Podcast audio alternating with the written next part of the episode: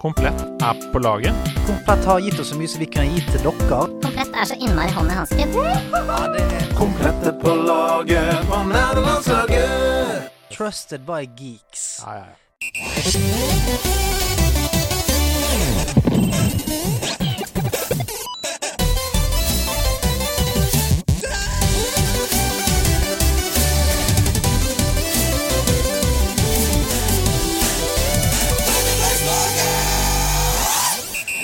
Han er over 24 år, han har spilt dataspill over 500 ganger, og han fikk over 35 000 kroner til konfirmasjonen sin.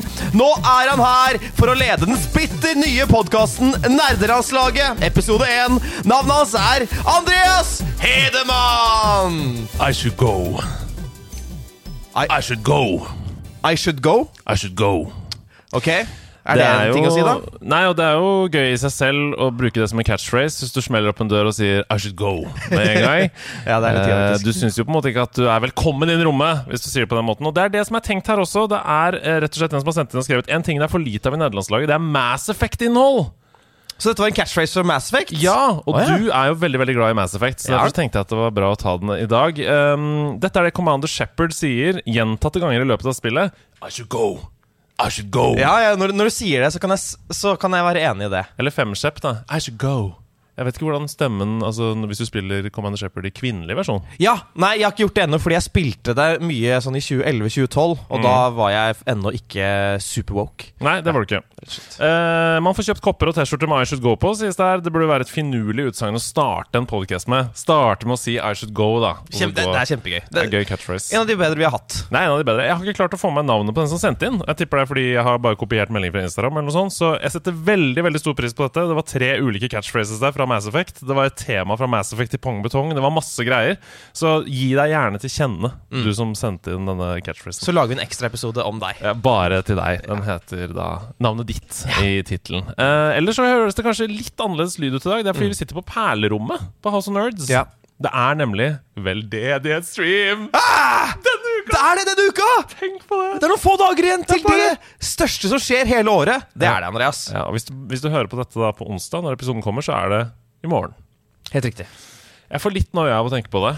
Um, Selvfølgelig får du det. Det er, Ja. det, største, det er den største streamen vi har hatt noensinne. Det er det. Ja. 73 timer. Ja. Uh, I utgangspunktet skulle det være 72 timer, men så stiller vi klokka underveis der tilbake fordi det er vintertid. Så da blir det 73. Den er glemt. Okay, Så det er, det, er, det, er mer enn, det er mer enn det burde vært. Du må ikke si det til Sebastian, for det er midt i hans nattskift. Og det blir veldig gøy når han er sånn Å, heldigvis klokka er fem, nå er det bare to timer igjen. Nei, klokka er fire. Herregud, jeg, jeg klarer ikke å se for meg hvor jævlig det er å få den beskjeden. Du er en djevel, Andreas. Ja, det er veldig gøy. Dårlig Men uh, jeg, de siste uka før Veldedig Stream Sånn her var det i fjor også. Eh, Jeg tror det er fordi jeg begynner å bli eldre. uh, Så sover jeg veldig dårlig. Mm. Veldig, veldig dårlig. Våkner på natta, må stå opp og ta melatonin for å greie å sovne igjen. Eh, fordi jeg tenker sånn hvor, Hva skjer med det kostymet? Hvor, hva med hun poledanceren? Har vi snakka med? Ikke sant? Alle de tingene som blir mye verre på natta Mm. enn på dagtid. Så jeg er litt trøtt. Ja, Åssen har du det? det må være helt greit. Jeg eh, har derimot eh, sovet kjempemye Oi. for å nettopp kunne kompensere for at du sover mindre.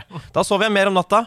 Eh, det er bare sånn et slags eh, farsinstinkt som kicker inn der. Ja. Jeg tenkte at det var mer sånn uh, Du feeder på min ulykke. At når jeg har det kjipt, så får du sånn mm, Deilig, da kan jeg kose meg og sove mer. Ja, det har, men det har jo vært litt sånn de siste 10-12 årene. Uh, at jeg blir jo glad når du har det dritt. Men det betyr ikke at jeg ikke vil at du skal sove om natta. Nei. Nei. Ja. Det Så det går, det går veldig fint med meg, og jeg gleder meg masse. Jeg har masse energi, eh, og jeg, jeg er klar for denne, denne mm, eh, Hercules-streamen vår. Ja. Fordi det er liksom Hercules, ikke Ja, det Skjønner du? største. Ja, det er ikke det største. Ja. Har du gjort noe spesielt denne uka? her? Er det noe du har lyst til å trekke fram? En hendelse som har skjedd i livet ditt? Eh, jeg har ledet eh, noen sånne konserter i, i Oslofilharmonien. Filmmusikk. Wow. Oslofilharmonien Oslo, Nå høres jeg full. Oslofilharmonien. Det var veldig tidlig. Det var veldig Eh, tidlig. klokka er ti om morgenen. Ja. Men ja, Oslo-Filharmonien. Du sendte til og med melding. Har du lyst til å komme, Andreas? Ta med deg din kjære kone Camilla. Og så gikk det ikke, for det var litt for sen Da, invitasjon. du hadde ikke så lyst, og det er helt greit. Um, men det var i hvert fall dritgøy. Spilte masse kul filmmusikk, da. Ja. Ah, hva, men hva gjør du som programleder da? Fordi jeg tenker sånn, musikken taler hva, Kommer du innom Hei, var det fet låt, eller folkens? Ja, Her kommer neste låt. Det er litt sånn bare minus det å snakke sånn som det her. Så det er at jeg kommer litt inn og sier sånn Ok, det der var sykt fett, folkens. Indiana Jones, det er dritkul musikk. Det er jo det. Altså, det er liksom for å hype folk. Det er sånn hype man. Og så Ja. sier jeg og nå, og nå skal vi ta det litt mer med ro. Vi skal gjøre Schindlers liste og være litt mer alvorlig. Da. Kan jeg spørre om det er sikkert Er det lagt inn for at trompetistene skal kunne spytt, blåse ut spytt av trompetene? For at uh, fiolinistene skal få stemme mellom Ja, og fiolinisten må jo også blåse ut spytt av sine fioliner. Ja. Så det, alle, alle instrumentene har jo spytt i seg. Ja. Så det er litt, faktisk litt det også, ja. Bra. Jeg har bare gjort én ting denne uka som ikke har noe med nederlandslaget å gjøre. Okay. Alt annet jeg har gjort denne uka her, har vært i nederlandslagssammenheng. Men det eneste jeg har gjort, er å være på CC Vest stadion på Ullern. For å se min kjære Moss fotballklubb rykke opp til Obos-ligaen. Jeg visste ikke at du heide på Moss fotballklubb før nå, så dette er kjempegøy! Her lærer du mye om meg! Ja! Jeg heier på hele livet. Eh, det var helt fantastisk. Jeg var der sammen med Emil Gukild, uh, Ken Vasenus Nilsen, André Sørum. Masse mossinger i Oslo. Ja. Og, meg, og meg, da. Ja, ja, ja. Så det var kjempegøy. Det er derfor jeg er litt hes i målet. For det var tre timer med synging og roping og banestorming og Gratulerer så mye. Det er veldig veldig kult å høre. altså Ja, det er veldig, veldig kult. Eh, skal vi ta inn ukas gjest, eller? Jeg syns det. For det er jo ganske gøy å få en til inn i miksen her. Ja. Ja. Ukas gjest er født i Moss, oppvokst i USA og ser på Stavanger som hjemme. Som så mange andre gjester i nederlandslaget har hun jobba på Carlings. Hun har ikke bare jobbet på kafé, hun er også medeier i en kafé, så her har vi å gjøre med noen som åpenbart har kosa seg litt for mye med Overcooked på fritiden, og bestemt seg for å ta det ut i praksis. Hun elsker å danse, og ikke bare som entusiast. Et par dansevideoer i SoMe viser at ukas gjest har både rytme og groove i kroppen, så her går talent og entusiasme hånd i hånd. I spillveien er hun rimelig altetende, men også sterk rent teknologisk. Og voicechat over Discord mens hun spiller er en del av hverdagen til denne dynamiske dama med imponerende spillhistorie. Hun har snakket opp spill og spillkultur i en årrekke og er et forbilde vi kan være stolte av, som er nøye med å nevne at hun er glad i å spille PlayStation når hun får sjansen. Så ta vel imot en av våre kvinner på Stortinget, nerd, stortingsrepresentant og andre nestleder i Høyre, Tina Bru!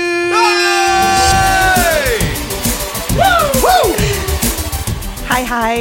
Der er hun. Veldig, veldig hyggelig å være her.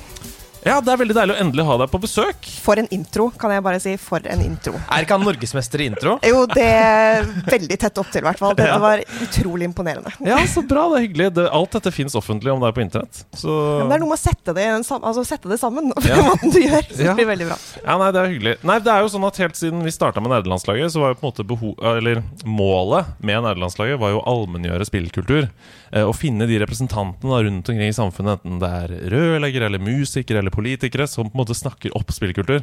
Og da kom jo ditt navn veldig tidlig på blokka. Så hyggelig. Fordi det var liksom sånn Man begynte å google litt. Da. Hvilke politikere er det? Så var det sånn Jeg spiller PlayStation. Jeg spiller PlayStation Hver gang. Uttalelse. Jo, men jeg har liksom ikke så veldig mange hobbyer da, siden politikken, så det blir liksom den du griper til, for den du har tid til. Ja. Eh, hva, hva, hvor begynte dette? Altså, I nederlandslaget så pleier vi liksom å spole tiden tilbake eh, og spørre sånn Hvor, Tina Bru? Hvor var det du fant denne hobbyen? Nei, altså det var eh, Når jeg var seks år, syv år, rundt første klasse. For da hadde naboen min, venninna mi, fått seg Super Nintendo. Eh, og det å liksom stikke opp dit og banke på døra eh, Skal vi være sammen? Men det var jo for å spille Super Nintendo, selvfølgelig. Det, det var der det startet for meg. Altså totalt hekta. Bare sånn helt unikt. Åh, sånn der hadde jeg det også veldig i oppveksten. Vi har snakka om det før i nederlandslaget, men at jeg på en måte valgte hvilken venn jeg skulle gå til, ut fra hvilken spillkonsoll. Ja. Så sånn «Å, ja, Anders har PlayStation, jeg går til han. her Um, Men så er det selvfølgelig kjempehyggelig når man er der, da. Det er jo fordi man liker ja. å være sammen med personen nå, men Absolutt. spill, absolutt. spillkonsollen er en magnet. Det var det. Men uh, du er jo politiker. Kan du bare sette litt Hvordan får du plass til tid i Nei, spill i, i livet ditt? Nei, altså det, det som er fint med spill, er at det Med mindre du på en måte er veldig ivrig på at du liksom gamer på et team med bestemte venner på bestemte tidspunkt, så kan du gjøre det omtrent når som helst. Og jeg er vel mer i den kategorien som spiller mest aleine. Ja. Mm. Uh, Ikke sånn veldig liksom på nett og sånn.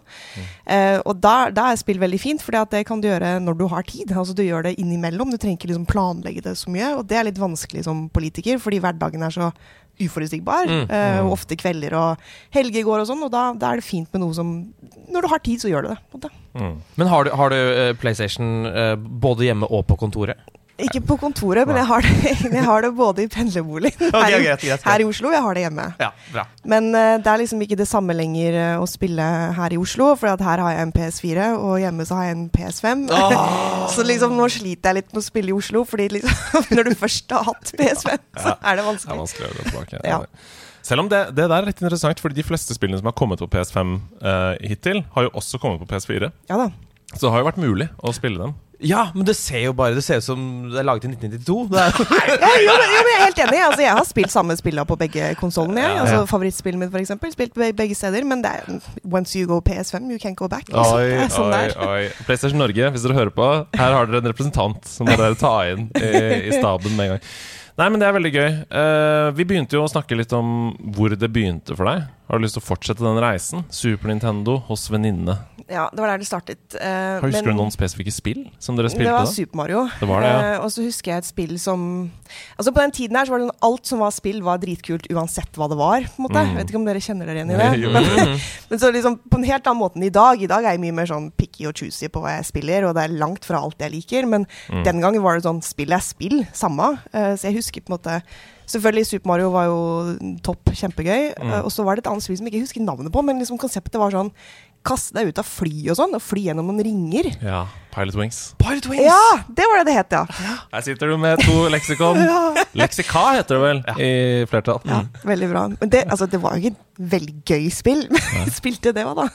Du, altså Vi har snakka mange ganger om soundtracket til Pilot Wings. I. Vi har ikke mange ganger, men det sier litt om hvor nerdete den podkasten her er. uh, og vi må bare høre litt på det, for det er altså Super Nintendo-soundtracket til Pilot Wings! Er det mulig?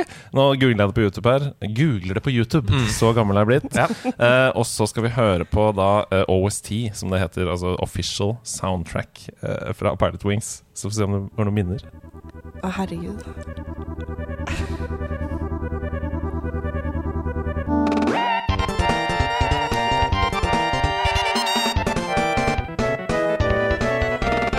Å, så gøy! Er det ikke gøy? Det har jeg ikke hørt siden jeg var åtte, liksom. Det skjer noe i fjeset ditt! Det er så gøy, fordi med spill så er Eller eh, man snakker jo ofte om at lukt vekker noen sånne helt sånn veldig sentrale minner i oppveksten og sånn, men musikk er jo også ganske likt. Og spillmusikk fra oppveksten har man jo som regel ikke hørt, som du sier, siden man var Det der har jeg virkelig ikke hørt siden jeg var åtte år. Men det var jo ikke et spill jeg egentlig syns eh, så veldig mye om. Men vi spilte det jo masse allikevel, for det var, det var de to vi hadde. Altså Vi hadde Super Mario, så hadde vi Pilot Wings. Ja, ja. Det var det det gikk i, da. Ja. Men uh, etterpå, så, når jeg fikk min første egen konsoll, så var det en Sega. Oi. Og du gikk over Så- dit, ja. Ja, jeg gikk over dit. og Det, det var veldig sånn Det satt langt inne å prøve noe annet. ja. Mm. Men var det et bevisst valg eh, at du ville ha Sega? Nei, vet du hva, jeg, jeg husker ikke. Men det var jo så var foreldrene mine som kjøpte det til meg, og Ja. da hadde vi flytta til USA. Så dette var i USA, faktisk. Ja. Jeg tror, jeg tror jeg var drevet egentlig bare av det som dyttet meg over kanten, var at det fulgte med et spill med den konsollen. Og det spillet het uh, Echo the Dolphin. så altså, jeg, å, delfin, det så gøy ut, liksom. Så det var derfor jeg gikk for Segaen, da. Og så ble det Sonic for alle penga. Ja. Men når du da, da liksom først fikk deg Sonic, gikk du da tilbake til Echo the Dolphin, eller var du liksom ferdig med det da? Nei, det, altså, det var de to spillene jeg hadde. Da Da Ja. hadde jeg Sonic, og så hadde jeg Echo the Dolphin. Ja. Eh, Echo the Dolphin frustrerte meg veldig, for jeg sleit med å finne ut av det. altså, jeg vet ikke om dere husker det, men Jo, det jo. er mange år siden jeg har spilt det der òg. Men det var innimellom sånn krevende å komme seg fra liksom, det ene brettet til det andre, da, for Mm. å si det på en enkel måte. Jeg måtte finne en sånn der vei eh, ut. Og det, åtte år gamle meg ble litt frustrert av det Ja. der. For det er, sånn, det er en delfin som skyter ut sånn lydbølger, er det ikke det? Jo. Det er liksom våpenet. Ja. Ja. Og så er på en måte alle banene i Echo the Dolphin er som vannbanene i Donkey Kong Country. Det er på en måte eh, Det, det føles som sånne labyrinter, ikke sant? Ja, som du må komme deg gjennom og komme til neste bane. Det er veldig fantastisk. Jeg, jeg, det er to ting jeg har lyst til å ta tak i. For det første så uh, syns jeg det du sier med at vi bare spilte det vi hadde. eh, vi var mindre kravstore før. Mm. Spill var uh, fordi det var dyrt, og fordi man fikk det sjelden og sånn, så bare tok man det man hadde. Um, og nå er jo Det er så mye underholdning. Du kan bli underholda på, på alle fronter, liksom. Ikke bare med spill, men eh, innhold, Netflix, film Altså Det er så mye innhold som vil ha oppmerksomheten din hele tiden. da Så det innholdet vi konsumerer, er nødt til å være bedre for at Ja, ja. vi skal på en måte dedikere tiden vår til det. Mm. Det syns jeg er interessant. helt annen verden nå. Altså, Mm. nå, nå jeg sliter jo bare med å klare å se på noe på TV og ikke være på mobilen samtidig. Ja. Så det, det tar jeg meg sjøl i hele veien. Jeg sitter og scroller på ting på mobilen selv om jeg ser noe på TV. Altså, jeg, jeg fatter det ikke. Ja.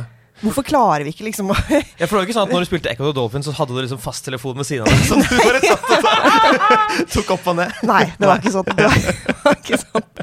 Men uh, samtidig så altså, Echo the Dolphin krevde mye av det. Så Så Ja. kanskje det er det jeg skal begynne å gjøre. Jeg vil spille det på nytt for å liksom sone ut og bare slappe av. Konsentrere meg om kun om én ting. Vet du hva, jeg har uh, en innrømmelse, og det er at jeg er jo for det første helt lik som deg. Veldig sånn faller ned på mobilen fort. Um, og til og med eh, Rings of Power, uh, kanskje min mest ettertrakt Altså den serien jeg gleder meg mest til å se på. Til og med da så kjente jeg i første episode at jeg begynte å åpne mobilen. Så jeg måtte trykke på 'ikke forstyrr' og legge mobilen fysisk langt unna. Og da ble jeg helt sugd inn og glemte alt tid og sted og sånn. Så det er et tips. Sett på 'ikke forstyrr', for da får du ikke push-varsler. Det er jo det som, er, det, er det som tar jeg Ja, det er helt sant. Det er er push-varsler som tar jeg Men derfor er det bra å game istedenfor å se på TV. Ja. Fordi da er du så opptatt at eh, altså, Jeg vet ikke med deg, men jeg klarer ikke å scrolle på mobilen og spille spill samtidig. nei, nei, det får jeg ikke til. Nei, ikke. Så sånn sett er det egentlig bedre, for da konsentrerer du deg kun om det. Det andre jeg tenkte på, det var eh, Sega. Og dette er interessant, for Sega er jo en amerikansk konsoll.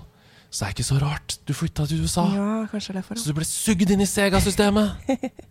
Visste du ikke det? At Sega var en amerikansk konsoll? Jeg trodde Se Sega oppsto jo i Florida, gjorde det ikke det? Er det sant? Ja, jeg tror det. I alle dager. Sega American Console. Nå må vi google dette, for jeg har hatt noe sånn derre um, uh, spillhistorisk sidequest om, om dette. Og jeg tror det var et par eh, brødre Fordi Sega var vel først basert på um, konsoller, altså arkademaskiner som ble laget til militæret. Ja. På den uh, Pearl Harbor-flybasen. Og så ble det en se liksom, spillprodusent ut av det. Mulig jeg forveksler med en annen. Jeg tror ikke det. Jeg Men, tror på deg, eh, Andreas. Men jeg tror Sega var i hvert fall mye større i USA enn det var i resten av verden. Ja, det, det tror jeg du har rett i. Jeg husker Mm. heller ikke opphavet til hvor det kom fra. Men det var jo det var et forsøk på å ta markedet fra, fra Nintendo og gjøre Mm. noe eget. ikke sant? Mm. Og, og Nintendo var jo ikke amerikansk, så det er jo ikke helt ulogisk at amerikanerne har prøvd å lage noe eget. Så det kan Mm. godt hende det stemmer. Men det er litt rart, for når jeg først tok det Sega-valget Altså, jeg har ikke eid Jeg har aldri eid Nintendo sjøl, da. Mm. Det er egentlig litt rart. Altså in ingenting. Ingen kontroll? ikke Nei. en DS eller en Nei. Ingenting. Jeg har bare vært liksom i Sega og PlayStation-universet.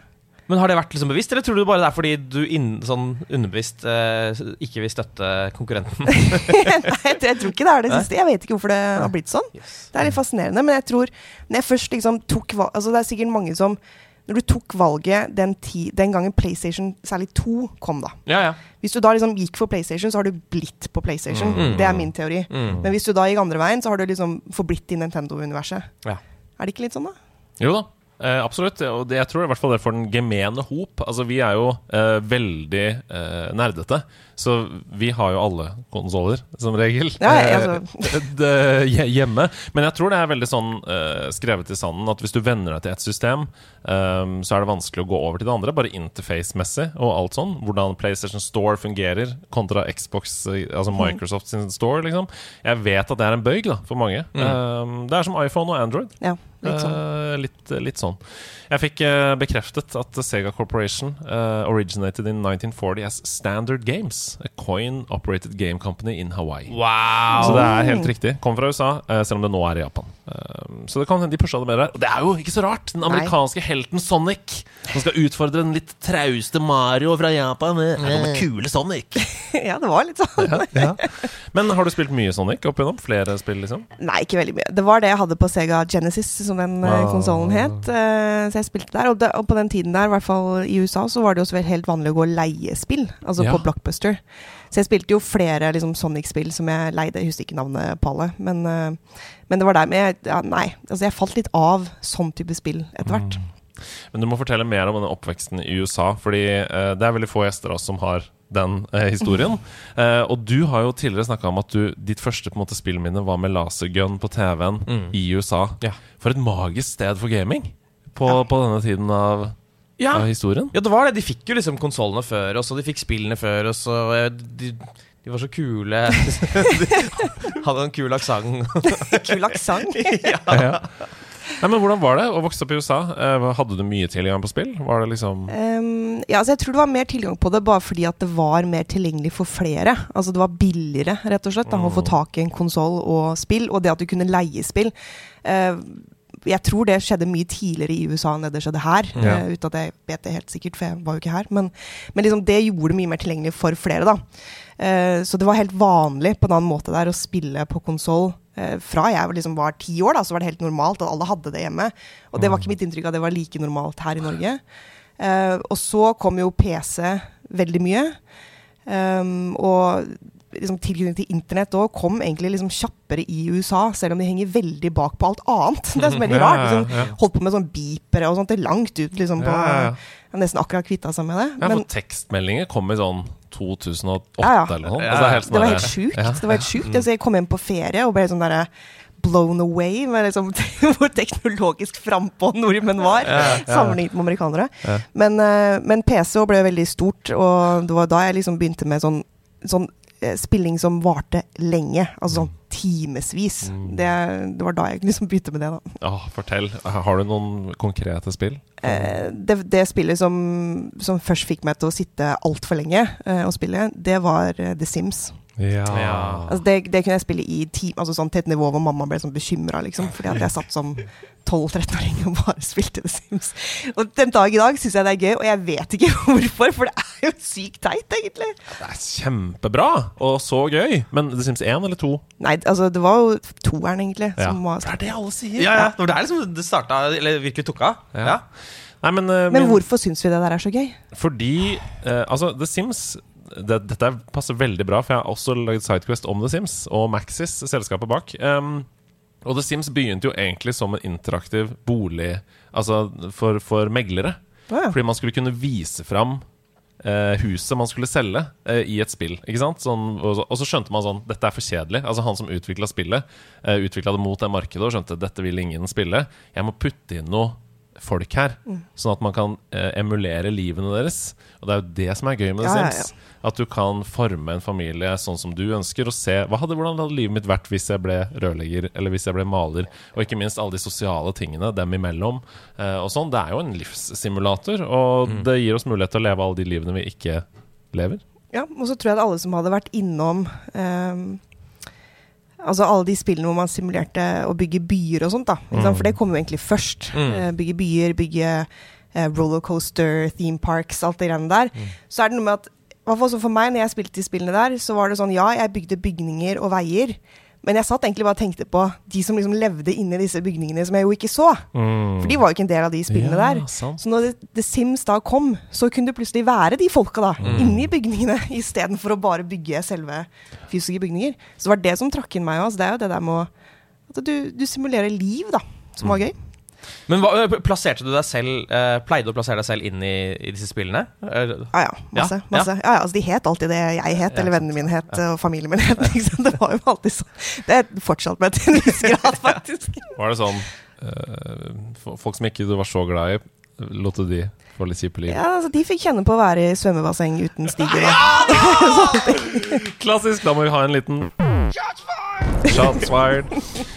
Nei, men øh, har du et lite Minecraft-gen også? Liker du å bygge? Liker du å se ting Nei, dessverre ikke. Altså, og det, jeg er faktisk veldig lei meg for det. At ikke altså, Jeg har aldri på en måte investert nok tid i det heller, da. Men at ikke jeg vet hvordan Minecraft fungerer, f.eks. Mm, mm. Det er jeg litt sånn lei meg for. Mm. men jeg bare har det ikke i meg på samme måte. Nei. Nei, men jeg skjønner det veldig godt. Jeg. Vi har jo Stian Blipp i, som vår medprogramleder i denne podkasten, og han skjønner jo heller ikke. Han Nei. klarer ikke å komme inn i det. Uh, og det er veldig rart, for han elsker alle typer spill, men han klarer ikke å komme inn i Minecraft. Så det er, det er bare en bøyg der for noen. Ja. Hvor gikk det videre herfra, da? PC? Eh, Det, var, det, liksom, det ble med The Sims, egentlig. Og så stoppet det på PC for meg. Så jeg har ikke spilt PC på mange, mange, mange, mange år. Mm. Og så var det PlayStation som tok over, da. Og så var det den, den veien jeg gikk. om må. Og det var fra PlayStation 2, var det du sa? Ja, og så har jeg fulgt, uh, fulgt hele regla, holdt på å si. Men- så ja. Men har du hatt mer enn Har du hatt sånn PlayStation 3? PlayStation 3 Slim? Har du hatt liksom flere innenfor samme Eh, generasjon? Ja, på fireren så har jeg det. der, der har jeg en slim her i Oslo, og så har jeg en, en vanlig hjemme. Ja, ikke Pro. Du har ikke PlayStation 4 Pro? Jo, jo, den jeg har her, er det faktisk. Oh, Oi, oi, oi. Men nå har den begynt å lagge, da. Så det, sånn- det, så, Å, nei. nå klarer jeg ikke. ikke sant? Jeg spiller PS5 hjemme, og så klarer jeg ikke å komme hit og spille en laggete PS4. Det går ikke. Du har terminologien ennå. Du sier legge at den legger. Jo, jo, men sånn er det jo hvis du spiller, da. Det er ikke så Trenger ikke være veldig nerd for det, tror jeg. Men jeg har ikke kommet dit ennå. Altså, jeg har ikke um, Innrømmelse, jeg har ikke headset med mic, liksom. Altså, det, det har jeg ikke. Men uh, i researchen her så uh, kom jeg over at du snakker på Discord. Ja, ja, det gjør jeg. Uh, og det er jo helt konge. Det, selv om du spiller singleplayer games. Nei, nei, det er når jeg spiller med venner, da. Men det Ja, er, det er egentlig kun når jeg spiller Fortnite. Mm. Jeg spiller jo ikke det Det spiller jeg ikke aleine, det spiller jeg kun med venner. Og Mm. da, må, da må du snakke sammen. Dere to er jo Fortnite-virtuoser. For alt vi vet, så har vi skutt hverandre mange ganger i det spillet. Ja, det kan godt hende. Snakk om Fortnite, vær så god. Ja, jeg bare gir dere scenen. Når, når begynte du Når begynte du med Fortnite? Det er faktisk ikke så lenge siden. Ehm, fordi jeg testa det sånn rundt når det først kom, Mm. og syntes det var helt sånn kjemperart. Men da spilte jeg jo solo, så liksom jeg bare Nei, det her er jo ikke for meg. Og så ble jeg overtalt da av eh, en venninne og kollega som spilte det gjennom hele pandemien. Altså det var redningen gjennom pandemien. Mm. Og så ble jeg overtalt til å gjøre det når jeg satt aleine her i Oslo på kveldene når jeg var på jobb. Så det har kanskje bare vært ja, litt over et halvår, da. Snart et år, kanskje. Ja. Men, men betyr det Altså, spiller du uh, med eller uten bygging? Uten. Når, Ja! den muligheten, når den muligheten kom, så var det sånn halleluja. Selvfølgelig! Hvorfor? Altså, man, man, man, man blir jo helt ødelagt Ja. av de femåringene som bare altså, De er bygger jo Burj Khalifa på ti sekunder. Det er helt umulig. Det er forferdelig. Ja. Det er helt forferdelig. Ja! Jo, men de er det! De er sinnssyke! Altså, det er ingenting som får deg til å Wow. føle deg så gammel som å spille liksom byggemode i Fortnite. For du vet det sitter en sånn femåring på andre siden og er helt rå, da. Ja. Spesielt mot deg som ikke får til Minecraft og ikke liker den type Men jeg skjønner ikke hvordan det går an å være så kjapp! Men dette er en sånn ting som generelt jeg syns er trist, som jeg oppdager mer og mer. Altså, nå er jeg 36. Mm. Jeg begynner å bli gammel. Altså, jeg Ja. ikke Jeg er ikke like kjapp, da. Jeg bare får det ikke til, uansett hvor mye jeg øver.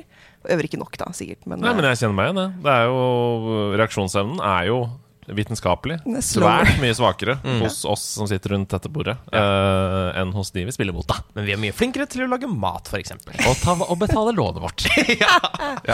ja. Nei, men bygginga, uff, nei. Det, Men, men har, du, har du fått uh, mange kills i solo slash eh, squads? Nei, som sagt så spiller jeg veldig lite solo, da. Mm. Fordi altså, det, som er gøy med Fortnite, er det sosiale i det. Mm. Altså, det er veldig mange ganger at de jeg, har- de jeg spiller sammen med, at vi står på toppen liksom, av en eller annen fjellknaus et eller annet sted og bare står og danser da, og tuller og bli snipa, liksom. Altså, det skjer jo hele tiden.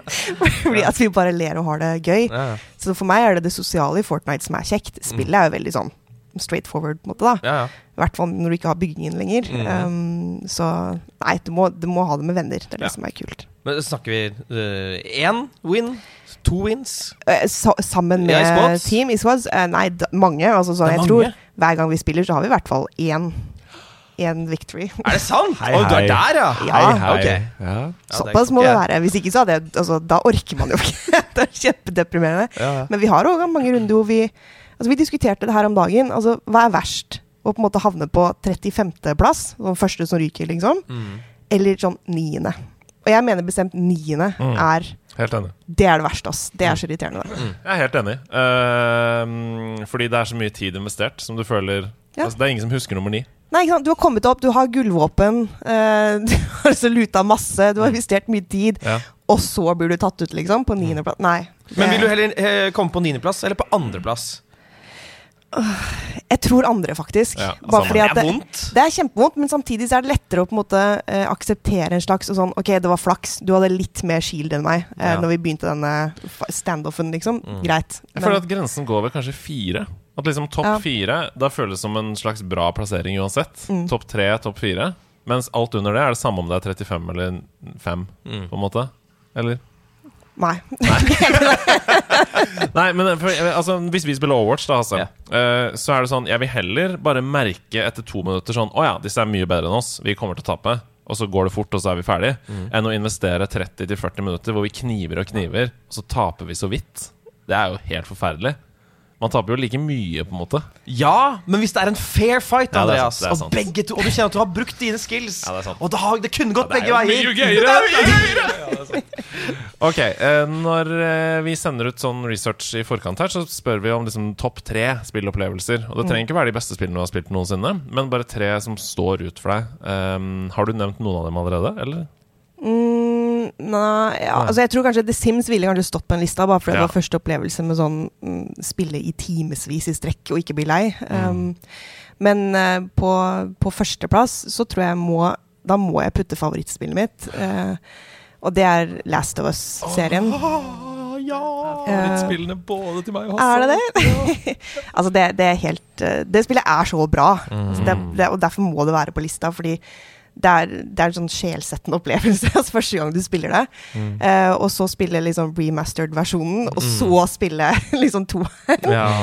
på PS5. Uh, ja, det er bare Ja, for du snakker om på en måte hele pakka nå. Eh, Ja. The Last of Us 1, Left Behind og Part 2, liksom, som Ja. en helhet. Ja. For det er vel det uh, Hvis vi skal nevne Det er, vel, det er mitt favorittspill. Altså Ja, ja. de tre satt i én sammen, ja. Ja. sammen. Ja, Mm. samme her. Og det er ditt òg. Så da er det tre stykker som har det som favorittspill rundt bordet. Det er jo det, helt utrolig. det er et helt fantastisk spill. Hva er det med med det, sy- syns du? Altså, jeg har alltid vært en sånn person som Jeg liker spill med historie, da. Um, jeg kan òg like sånne svære svære spill hvor du liksom følger en hovedhistorie, og så har du masse sidequests og kan liksom holde på. Men, men innimellom så kan de sandbox-spillene bli liksom litt for store.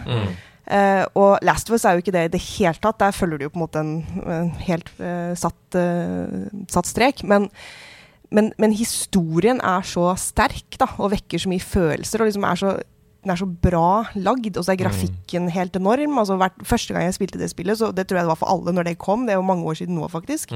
Men det var jo noe man ikke hadde sett før. Ja, Det kom til uh, PlayStation 3. Ja, tenk Det er det. er jo helt Ja. utrolig, liksom. Ja, og det var helt enormt. Så det er liksom totalpakka. Eh, og nå er jeg ekstremt spent på serien som kommer på HBO. Veldig nervøs. Ja. Mm. For de får ikke lov å ødelegge det for meg, liksom. Nei. Ja. Altså, jeg tror det blir veldig, veldig spennende for sånne som oss, da, særlig. Eh, fordi tenk om det er en kjempebra serie, men fordi vi har spilt spillene så mye, så kanskje det blir for oss en dårlig serie. Det kan jo godt hende, det. Det kan hende. Også, Ja. liksom, det kan være sånne småting bare som at eh, altså, du, du, Man blir så glad i Ellie og Joel og alle, da. Hvis, liksom, hvis de som skal spille de, ikke ligner nok, eller ikke oppleves som å være de, så vil det være et problem for meg, da. Det- altså, det blir vanskelig. Mitt uh, hoved Altså Jeg er veldig glad for at de gjør det. Uh, jeg tror at folk som ikke har noe forhold til spillet, som er ganske mange, uh, kommer til å oppleve en fantastisk historie. For den er jo på så genuint liksom menneskelig grunnlag så bra, og appellerer til på en måte det dypeste i oss da som mennesker. Altså The Last of Us. Hva er det som er igjen når det ikke er noe igjen av oss? Um, så det er jeg veldig glad for. Samtidig så er det sånn Hvis du tar alle cutscenesene i The Last of Us part 1 og part 2 og setter sammen til en serie så er jo det en kjempebra serie. Ja, ja, absolutt. Du, det er liksom sånn Så derfor så um, Den eneste forskjellen her er at jeg, det er nesten som om at de hadde tatt på en måte eh, en veldig bra animasjonsfilm og så bare spilt med ekte mennesker. Hvis Ja. du skjønner? Jo, jo. Altså Hvis man hadde tatt Up, da og så hadde det vært en gammel mann og en gammel dame som gikk, og så hadde det vært en ekte film Ja. Du har jo filmen allerede. Altså Du har jo TV-serien, bare at du må spille litt også, da. Ja. Når du spiller. Mm. Men det er det som er gøy. Altså, det, er, det er vel det spillet hvor du er nærmest det å spille en film. Altså den opplevelsen av det, da, hvis du skulle gjort noe sånt. Og så blir jo selvfølgelig alt av grafikk bare bedre og bedre og bedre, så det vil bli vanligere og vanligere. Men det var kanskje første spillet som virkelig ga deg den følelsen, da. Samtidig for meg som at gameplayet er kjempegøy. Ja. Og det er veldig sånn ofte at hvis, hvis det blir veldig tett på film, så går det utover det at spillingen er ikke så gøy eh, noen ganger. Fordi de glemmer at det er på en måte kjernen. Mens i The Last of Us syns jeg også gameplayet er eh, gøy. da Og da jeg spilte um, remasteren nå på PS5, så kjente jeg sånn Ja, dette er gøy. Det er gøy å variere mellom hvordan jeg spiller. Å ha aggressiv spillestil, snike, bruke molotov eller skiv, liksom. Den vekslingen der er morsom, da. Uh, og altså, den neste, neste spillet jeg kommer på, er jo Uncharted 2, på en måte. Som jo også nærmer seg en film, men som også er gøy i gameplay. Helt enig. Nei, men gøy. Eh, da har vi vært innom Sims og The Last of Us. Hva Har du ett til? Jeg har et til altså, Det er litt rart, men, men eh, jeg bare nevner det fordi at jeg, jeg, jeg husker det så godt, og det gjorde så stort inntrykk på meg, uten at jeg helt kan si hvorfor. Men det var uh, Oregon Trail. Har dere spilt det? Det har jeg bare hørt om. Det er sånn legendarisk Det er legendarisk, gammelt men. Jeg oppdaget det på nytt for ikke så lenge siden, for nå fins det i mobilversjon. Ja Så du kan spille liksom Oregon Trail på iPhonen din, eller Androiden din, eller hva det er for noe. Men, men det var liksom sånn et av de aller første spillene jeg spilte. Eh, Og som er første spill hvor jeg opplevde at jeg liksom fikk veldig sånn Jeg fikk en veldig kjærlighet for karakterene i det å liksom gjøre så godt jeg kunne på å få dem til å overleve hele veien ut. For det er det som er hele poenget med det spillet. At du skal komme deg liksom fra A til B eh, med en sånn liten prærievogn. Uh, og det, altså, det er jo helt banal grafikk og sånn. Du må bare ta strategiske valg hele veien. da. Så skal du, Hvor mye mat skal du pakke kontra klær, andre ting. Uh, du skal ut og jakte. Hvis ikke du skyter godt nok, så får du ikke nok mat. Og så dør folka dine, de får feber. Det er masse greier da. Men liksom det, du investerer så mye i å holde hele følget levende fra start til slutt. Uh, og det liksom, satt veldig med meg lenge, da, så derfor gjorde det spillet stort inntrykk.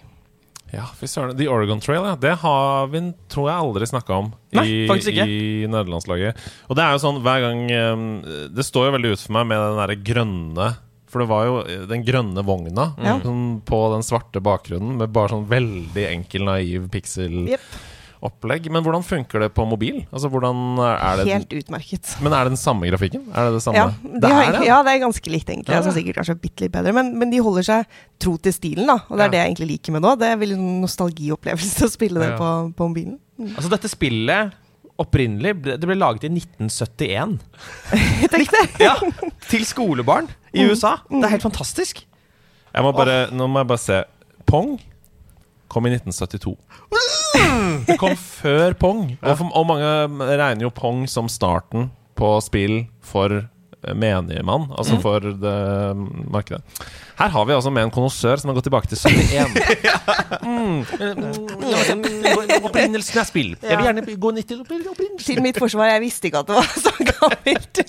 Nei, men det er Men det er gøy. altså Laste det på mobilen i kveld. Du kommer til å kose deg. Det Ja, er ja. kjekt. La oss dette litt innom mobilspill også, for jeg vil jo anta at det er veldig praktisk for en politiker som er mye på farten og som har mye Ja. lite tid.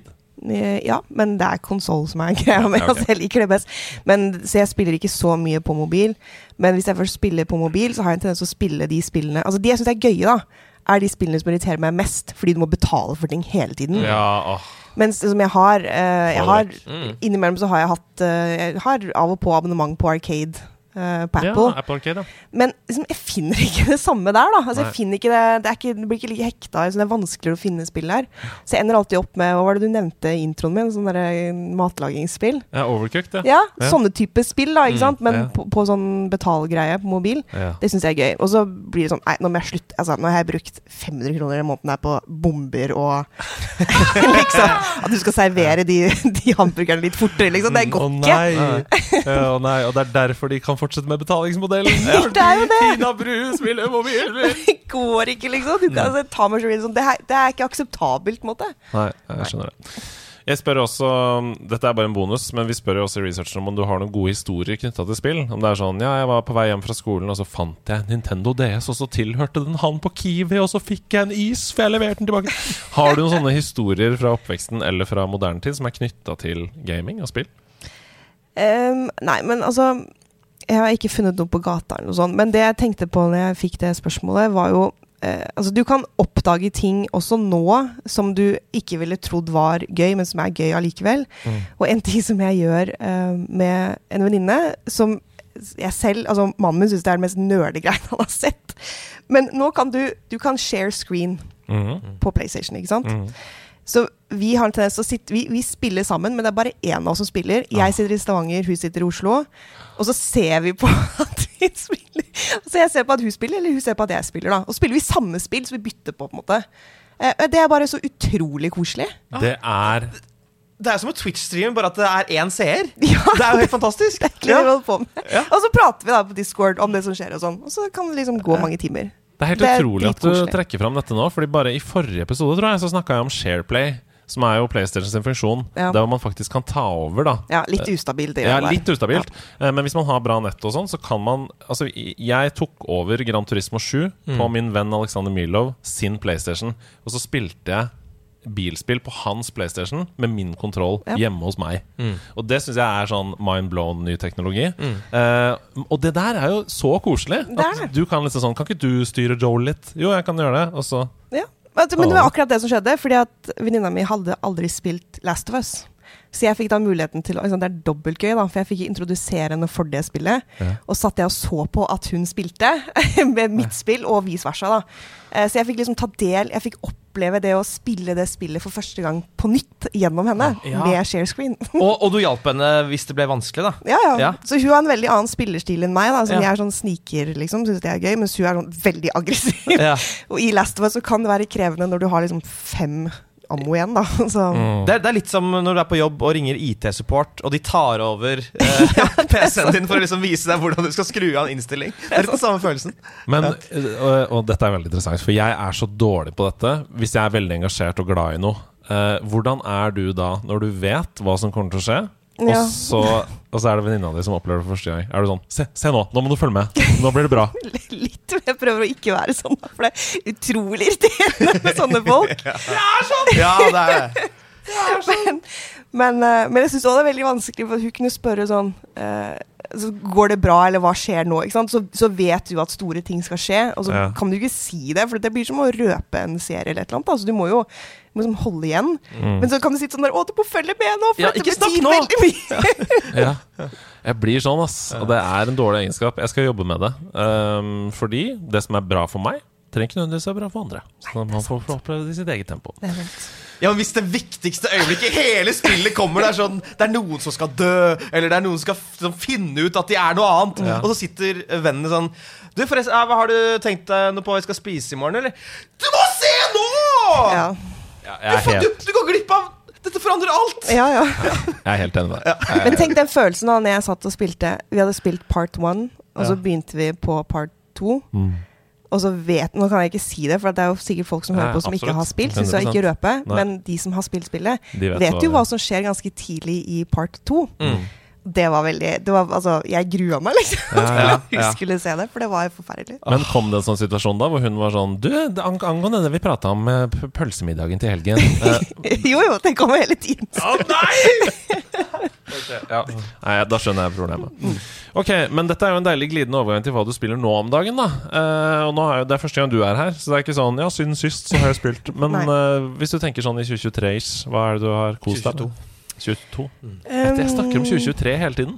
Veldig rart. Hva, hva er det du har kost deg med i år? Jeg er litt på 2023-sporet sjøl, fordi vi driver med statsbudsjettet, og det er jo 2023. Så det, ja, jeg kjenner meg veldig igjen i Nei, det jeg spiller, eller har spilt siste året, siden av da Fortnite um, og Last of Us på ny, er uh, altså Horizon Zero Dawn. Det har jeg Ja. spilt en del. Altså det nye som kom der. Forbidden West, ja. Ja. Mm. Men igjen, altså, det er så svært. Og jeg, jeg, jeg blir litt sånn Jeg får litt sånn tvangstanker på at uh, når det er masse muligheter for sidequests, så jeg må liksom gjøre de. Mm. Jeg klarer ikke gå videre med hovedhistorien hvis jeg ser at det er noen spørsmålstegn på kartet. et eller Så må jeg dit. Bruker ekstremt lang tid. Uh, men, men det syns jeg var et veldig bra spill. Jeg har brukt mye tid på det. Ehm, så ellers, altså Nei, altså jeg spiller jo for lite, egentlig. Jeg skulle ønske jeg hadde mer tid enn det jeg har. Jeg kjenner meg veldig igjen med, i det med å spesifikt med Forbidden West. Fordi um, du blir introdusert i veldig mange mekanikker med en gang. Og det føles nesten litt overveldende. Og så er det sånn, hvis du er veldig glad i spill som The Last of Us, da, så er det som regel én vei ut av et rom. Så når du på en måte har eh, lett deg etter ammo og det du trenger, så vet du at nå kan jeg bare gå ut her, så kommer jeg videre. Ja. Men i Forbidden West så er det sånn Det er 70 veier ut av dette ene lille området. Og hvis jeg skal utforske alle de 69 andre veiene før jeg skal videre der hovedhistorien er, så kommer jeg til å bruke 381 timer på dette spillet. Det det. Så det føles sånn hele tiden sånn Ah, nå missa jeg sikkert noe som var bra for meg. Noe gear eller noe. Jeg Um, sliter med den følelsen generelt. Ja. Altså, det Mm. kan bli sånn hemsko for meg når jeg Altså, jeg, jeg prøver og tester så utrolig mange spill, og det er altfor få jeg faktisk spiller ferdig. Mm. For jeg blir overvelda av liksom å gjøre alt, og så bare får jeg aldri gjort det. Hva med deg, Asse? Hva spiller du om dagen? Du, Det er godt, uh, godt spørsmål. Uh, hyggelig at du spør. Uh, jeg har et mål om å egentlig spille et nytt spill hver uke. Ja. Men nå skal vi da inn i vår veldedighetsstream. ja. Så det jeg har gjort, er at jeg har spilt spillene som jeg vet at jeg skal spille. Oh, ja! Og så vet jeg ikke hva om det er hemmelig, Andreas. Ja, nei, du, du kan, trenger ikke å spoile alle, kanskje. Uh, programmet kommer veldig snart, altså. Ja. Så vi må bare få ferdig skrevet det. Fordi hele tiden så forandrer jo ting seg. Eh, og um, de andre programlederne i nederlandslaget uh, blir jo mest på en måte påkobla når det nærmer seg. Ja. Så da kommer man med forslag til innholdsendringer og sånn. ikke sant? Så jeg har ikke liksom lyst til å si sånn Det skjer! Mm. Og så bare Nei, vi bytta det med noe annet. Og så blir de som likte The Oregon Trail, de blir skuffa fordi vi ikke skal spille det likevel. Ja, Men da kan jeg bare være diffus og si at uh, jeg, jeg skal spille diverse spill. Uh, det er særlig Det er ett spill som jeg har streama veldig mye, som jeg føler jeg er ganske god i. Det blir det. Det kan vi si uansett. Ja, det, det er, blir- det er GeoGuessr. Ja. ja, det er GeoGuessr. Har du Ja, spilt det? GeoGuessr? Nei. Det er kjempegøy. Du, du vet Google Street View, når du bare kan kjøre rundt i alle mulige gater. Det er som det, bare at du blir plassert et tilfeldig sted i verden, og så må du på tre minutter finne ut av hvor du er. Sånn så nærme som overhodet mulig, da. Kult. Ja, kjempegøy. Så du må lese på skilt, og etter hvert som man blir veldig god i Geogester så er det sånn Å ja, her er det røde klistremerker på telefonstolpene. Indonesia. Da er vi i Indonesia. Så. Ah, men det høres gøy ut. Ja, det er kjempegøy. Og jeg elsker å si sånne ting som du nettopp uh, sa. Sånn klistremerke er veldig kult. Uh, og så er det også et annet spill uh, som jeg spilte Som jeg streama i februar, som jeg også har blitt veldig god på. Eh, jeg vil ikke si hva det heter, men man kan jo gå tilbake i historien vår og se Oi, hva jeg har streama. Ja, ja. Um, og så har jeg spilt The Overwatch 2. Um, det har jeg. Rett og slett fordi jeg har lyst til å komme meg opp i platt. Mm. Uh, jeg har spilt det mye alene, for jeg har vært litt sånn uh, sologamer-uke, egentlig. Mm. Men jeg er fortsatt på gold, og det, det er veldig vondt. Det er, er det vondt, ja? Ja. Ja, for jeg spiller også mye Overwatch 2 om dagen. Jeg tenker at Vi trenger ikke å snakke så mye om det, fordi det kommer anmeldelse. i Ja, denne ja, ja, episoden, ja. blant annet Men øhm, jeg, jeg, jeg, er også, jeg er ved Gold 2 nå. Um, og da håper jeg jo da at jeg kvaler meg opp til Plat 5, for eksempel Neste Ja. gang jeg plasserer. Førstemann til platt. Nei, det blir deg. Jeg er på gold 1. Ja, det blir deg. Så det er ikke noe Ok. Hvor er konkurranseinstinktet blitt, da? Jeg har ikke det. Jeg har ikke det Jeg, koser meg med innholdet, jeg. Etter hvert som det kommer. Ja. Men fortsett når, du først, når vi først er inne på deg, Andreas. Nei, det er som sagt Jeg spiller tre spill om dagen. Det ene er Overwatch 2. Det andre er et spill som heter Phantom Abyss. Det er utgitt av Devolver Digital. Og Devolver Digital har jo blitt en sånn kvalitetsstempel. Hvis du ser den logoen, så er det sånn ja, da er det jo bra. Eh, de har veldig sånn streng kvalitetskontroll på hva de slipper gjennom. Det ble lagt til i noe som kalles Game Preview på Xbox GamePass denne uka her. Eh, og Game Preview det er rett og slett en god gammeldags demo av spill. Sånn som du fikk med PlayStation-demoer, for eksempel. Da var det ti spill i Wipeout og forskjellige tek Tekken 3 og, og sånn. Å, Tekken 3. Hva er favoritt-Tekken Fighter? Nei, altså, jeg har, ingen favoritt, men jeg husker Tekken 3 husker jeg faktisk, Ja, liksom. selvfølgelig. Ja, nei, det var veldig viktig på PlayStation. Ja. Uh, men Game Preview, god gammeldags demo. Og Phantom Abyss, det er Indiana Jones møter Battle Royale. Oi. Rett og slett. Så du løper gjennom et tempel av masse ulike nivåer, og så må du dodge feller, slenge deg rundt med grapple-pisk og klatre opp der og under den der og Altså Du må gjøre det i en veldig sånn Du løper da hele tiden, litt sånn som Temple Run, Ja. det løpespillet, bare at det er mye mer spillspill. Altså Det er ikke et mobilspill der hvor du har masse mikrotransaksjoner. Det er, det er eh, challenges. Du kommer Plutselig så er det sånn Debuff! En eh, gammel gud følger etter deg. Ah, det er farlig! Hvis de tar deg en, så dør, dør du. Sånn. Ikke sant? Ja. Og så er det liksom 2000 mennesker som starter Hæ? eh, i, på likt. I Fortnite er det 100, Oi. og der er det 2000? Ja. Hæ? Oi, oi, oi. Og, og så kommer man dypere og dypere inn i dette eh, tempelet. da eh, Hvis du faller lange avstander, for eksempel, så må du rulle når du lander. Sånn som en sånn cool action hero, eh, for å ikke ta skade. Eh, og så blir det vanskeligere og vanskeligere. Du oppgraderer underveis. Når du kommer, hvis du kommer til enden av på en måte et nivå, så er det en slags shop, og der kan du investere coins du har funnet underveis, til å f.eks. få eh, ta mindre skade hvis du blir truffet av en pigg, eller du kan hoppe lenger, eller sånn. Det er veldig, veldig avhengighetsskapende. Man kan jo Eh, se hvor langt de andre har kommet. Ja. Hvordan ser du det, da? Nei, når du er ferdig med ett nivå, da, og Ja. sånn You will go deeper into the temple, så er det sånn 1200 spillere gjenstår. Og så går det nedover. Eh, nedover og nedover. Oi, gåsehud. Ja. Og det er veldig gøy, fordi det er ikke så lineært som det høres ut heller. Mm. Plutselig så kan du komme inn i et stort rom, og der kan du liksom utforske eh, Skal jeg klatre opp her og prøve å gå den veien? Ja, der var den siste. Det er jo eh, bra. Fordi da får jeg gold som jeg kan bruke til å investere i oppgraderinger. Men ja, det er risk reward, for jeg har jo noen som følger etter meg. Rekker jeg å ta den i kista før jeg går videre? Og så videre, ikke sant? Så eh, Phantom Abyss der, altså. Og det er jo inkludert i GamePass. Um, det er som sagt veldig early access. Jeg tror bilden er sånn uh, version 0.6. Altså det er ikke versjon 1 engang. Så det er ikke noe musikk, f.eks. Man må bare um, man må bare ta det for det det er. Det ser dritfett ut. Det er ganske fett, altså. Ja. Det er ganske fett. Uh, jeg tror det blir veldig bra når det kommer uh, i ferdig, men hvis du ble nysgjerrig av dette, så er det som sagt inkludert i GamePass. Og det tredje jeg spiller, det er God of War Ragnarok. Oi! Fikk jeg gåsehud! Tenk at jeg har lov til å si det! Ja. Og jeg har spilt det i snart to uker. Oi. Oi. Tenk på det. Eh, jeg har ikke hatt lov til å si noen ting om det. Nei. Um, Du kan, men- kan, du, kan du si noe om de to første timene? Har ja, fordi jeg har finlest embargoen. Ja. Uh, og på fredag nå så kom det som de kaller for early impressions. Det er det jeg har lov til å snakke om nå. Så jeg har ikke lov til å si noe som indikerer hva jeg personlig syns Nei. om innholdet jeg opplever. Jeg kan bare snakke om hva spillet er, og hva det går ut på. Eh, det er det jeg kan snakke om. De Ja. første seks timene av spillet. Men Hvis du forteller hva det går ut på med veldig entusiastisk stemme, da? Eh, nei, da kan du jo indikere da hva jeg personlig tenker om God of War Ragnarok. Denne oppfølgeren til God of War fra 2018. Det ser veldig entusiastisk ut. Uh, ja. Det er akkurat det. ja, det er jo, jeg kan jo si at det er satt til tiden rett etter det første spillet. Um, vi kommer inn i Midgard der, uh, i det som da kalles Fimbulvinter. Uh, ifølge norrøn mytologi så er det den harde vinteren som varer i tre år før uh, Ragnarok, som skal ta livet av alt levende. Eh, og i den vinteren så snør det konstant. Det er ikke noen form for eh, forandring i årstidene. Det er vinter. Um, og historisk så tror jeg det er basert på en sånn uh, vill klimaforandring i år 532, eller noe sånt, hvor halvparten av Norges befolkning døde ut. Og det er helt crazy. Man burde søke opp det. Um, men ja. Premisset for spillet da, det er jo Kratos. Vi kjenner jo Kratos. Uh, sammen med sin sønn Atreus forsøker da å stoppe Ragnarok. Eh, samtidig som de forsøker å finne ut hvem Atreus egentlig er.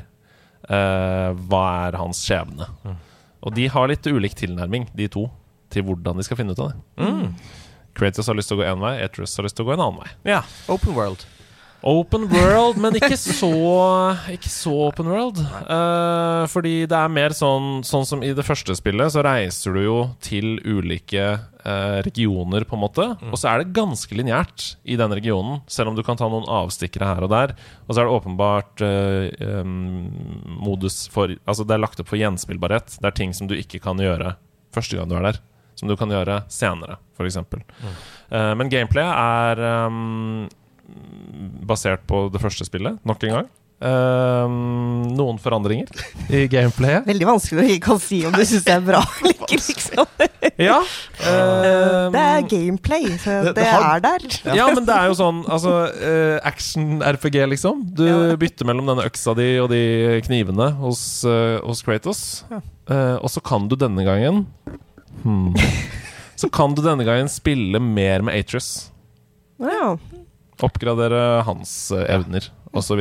Um, hva hva, du, jeg vet jo du hadde veldig Jeg har spilt God of War, ja. For, sterkt forhold til det første spillet, eller? Ikke sterkt og sterkt, altså det er en av de beste spillene jeg vet. Mm. Um, men jeg, jeg- det jeg liker med det, er nettopp det egentlig du var inne på, at det er den komboen at altså det er ganske lineært, selv om du kan ta avstikkere. Og det Mm. passer min spillestil ganske bra, da. Mm. Uh, og igjen så er det det følelsesmessige og his storyen i det da, som er bra, Mm. syns jeg.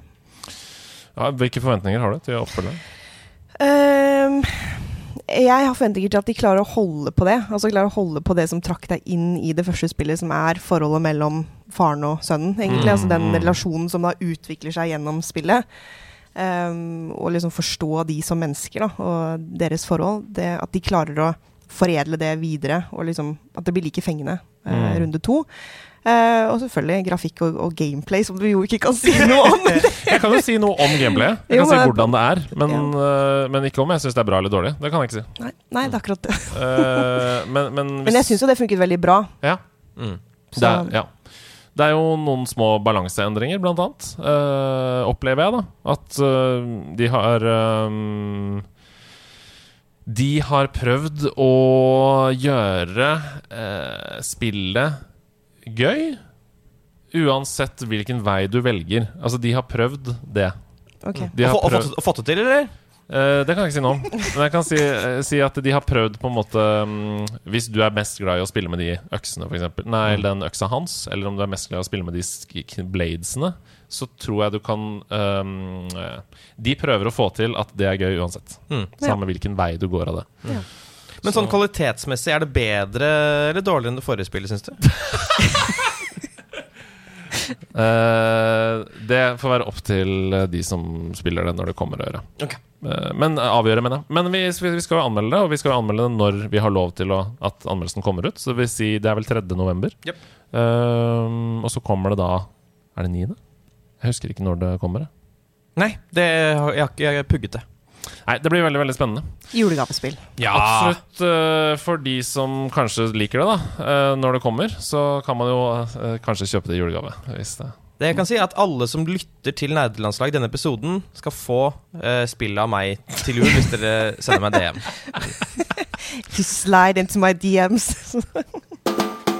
Ha med, ha med dag. Hey, hey. Ha med dag Ha med ting etter ditt behag, for det ha med Hva har hun med i dag? Har hun med? Et spill eller noe?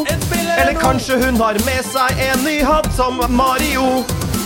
Hun heter Tina Bru, og hun liker PlayStation. Men liker hun også menn i spill? Ja, det er ha med deg. Hun har også kanskje med seg en veldig farlig sverd. Veldig farlig sverd. Så hun kan stikke rundt, akkurat som Seldas herd. Eller har hun tatt med seg en spillkonsoll hun aldri har eid? Som en Nintendo DS eller noe, eller noe, for det er ha med deg. Hva har du tatt med, Tina? Jeg må komme over sjokket. Um, jeg har faktisk det, det, er sånn, det er ikke så originalt som disse forslagene på sverd. Det er ikke sverd. Ja, det, jeg prøvde å få sverd til å rime på eid, og så var det sånn Hø, det var ikke min eller linje. Veldig dårlig. Ja. Nei, det er ikke én sverd. Bra. Sverden! det er en eh, PS5-kontroll, Wow. eh, så ikke sånn kjempeoppsiktsvekkende, kanskje, men det er bare fordi Har dere sett noe så vakkert? det er jeg tatt med. Det er fortsatt det vakreste som fins. Ja, det er det. Altså, det er det. Det er bare um, det, det var Det forandret livet mitt da jeg fikk Jeg må den si, konsollen. dette er helt utrolig. Min forrige ha-med-dag i forrige episode PS5-kontroll. Var det? Forrige, forrige episode av dette. Ja. altså. Ja. Nei, men eh, jeg husker jo dette øyeblikket veldig godt. Da du, Hasse, så PlayStation 5 første gang vi satt og så på den livestreamen sammen på hver vår kant, så sendte du melding PlayStation har vunnet alt. Mm. Jeg har aldri sett noe vakrere i mitt liv. Og ikke minst modig design og sånn vi snakka om. Ja. Og den håndkontrollen er jo Å, den er så fin.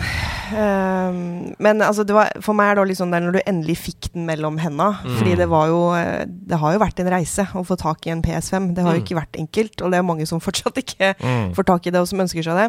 Uh, og jeg har jo vært blant de som har logget seg inn på Elkjøp og stått i kø, uh, fordi nå er det et slipp, og Mm. så får du lagt den i handlekurven, og når du skal gå og betale, så er den borte. altså, Ja. Den følelsen der er så fæl! Mm. Uh, så jeg fikk til slutt kjøpt den eh, via en eh, kompis som hadde kjøpt den til barna sine. Som, ja, lang historie. Men uansett, uh, jeg fikk tak i den til slutt. da.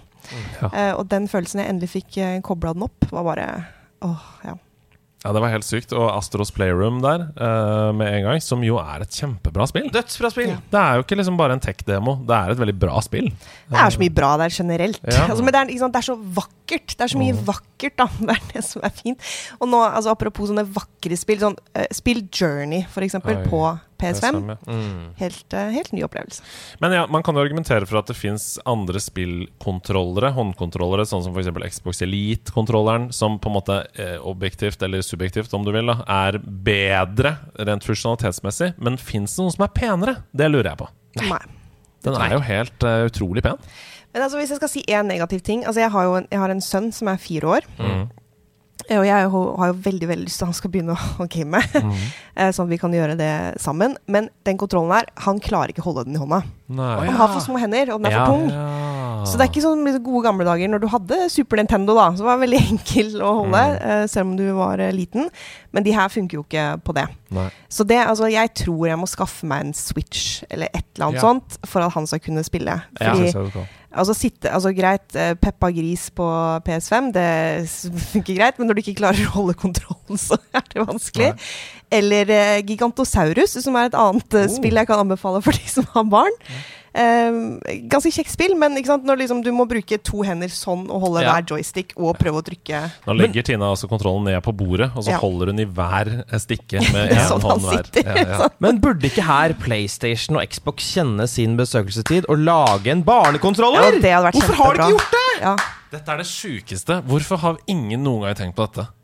Med en gang du sa det, så ble jeg helt sjokkert. Det må Ja. jo skje. ja Men altså, det må jo være fordi at uh, Igjen, nå har ikke jeg så mye kjennskap til liksom, Xbox, Nintendo-miljøet, men Mm. Men at uh, PlayStation har egentlig ikke catera til barn på samme måte. Mm, nei, altså Det fins dårligere utvalg også av spill, da, rett og slett. Men de bør jo gjøre det, Absolutt. det åpner en helt ny verden. Ja da, og man lager jo veldig mange sånn uh, accessibility-kontrollere som er for folk med andre fysiske utfordringer. Ja. Uh, med større knapper, f.eks., eller med, med mer touch-baserte ting, f.eks.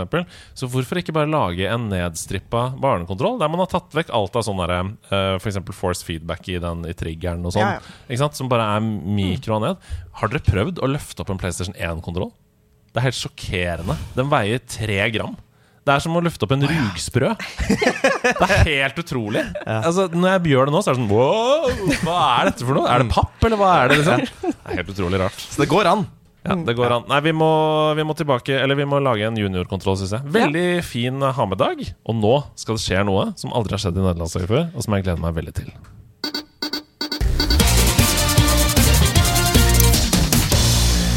Det stemmer, folkens. Vi skal til Nerdenytt i dag ved Hasse Hope. Og vi begynner med utenriks. Siden tidenes morgen har det vært ett spørsmål som gamere har stilt seg selv.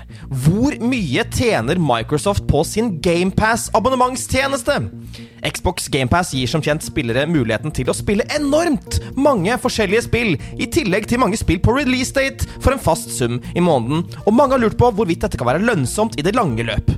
Svaret på det vet vi ikke nødvendigvis ennå, men vi fikk denne uka vite at Microsoft tjente 2,9 milliarder dollar på GamePass i 2021. Dette er kjempemye penger. Spørsmålet er bare hva selskapet har brukt på å kunne tilby alle disse spillene. I samme slengen fikk vi også innsyn i hva Nintendo tjente på sine nettjenester, 900 millioner dollar, mens Sony fortsatt raker inn mest spenn med 4 milliarder dollar. Denne uka fikk vi også vite at Helena Taylor, som har vært stemmeskuespilleren til Bajonetta-spillene, anklager Nintendo og Platinum Games for å være gniende. Helena skal ha blitt tilbudt ca. 4000 dollar, altså 40 000 kroner, for å returnere som stemmen i Bajonetta 3. Et beløp som var så lavt at hun tok det som en fornærmelse. Hun har derfor oppfordret til boikott av spillet. Platinum Games hevder på sin side å ha tilbudt Taylor mer enn hun påstår i videoene, og journalist Jason Schreier i Bloomberg bekrefter at han har sett bevis på dette. Det har også kommet fram at hun først ble tilbudt en større sum enn nevnt for å spille hovedpersonen, og da hun takket nei, fikk hun så tilbud om 4000 dollar for en mye mindre rolle i spillet. Uavhengig om det hun sa var misvisende i sin første uttalelse, det er et problem i den internasjonale spillbransjen at stemmeskuespillere får for lite betalt, så at debatten har kommet fram i lyset, er en god ting.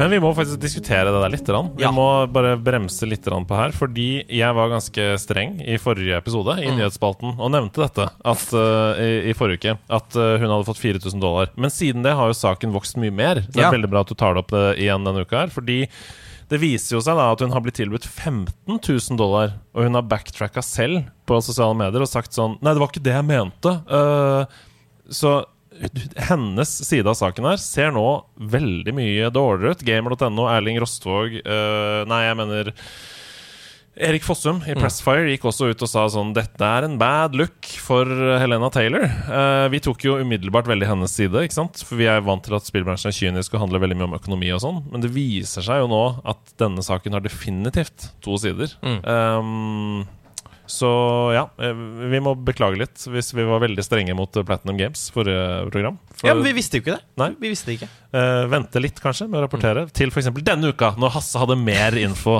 om saken. Vi fortsetter.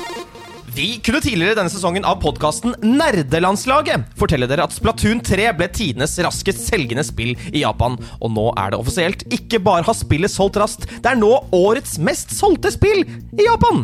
Ikke verst jobba for et spill som omtrent ikke får omtale eller PR i den vestlige verden. Kanskje noe å få øynene opp for Europa og USA? Konami holdt onsdag forrige uke en Silent Hill-presentasjon, og det kom langt flere nyheter derfra enn man på forhånd skulle ha trodd.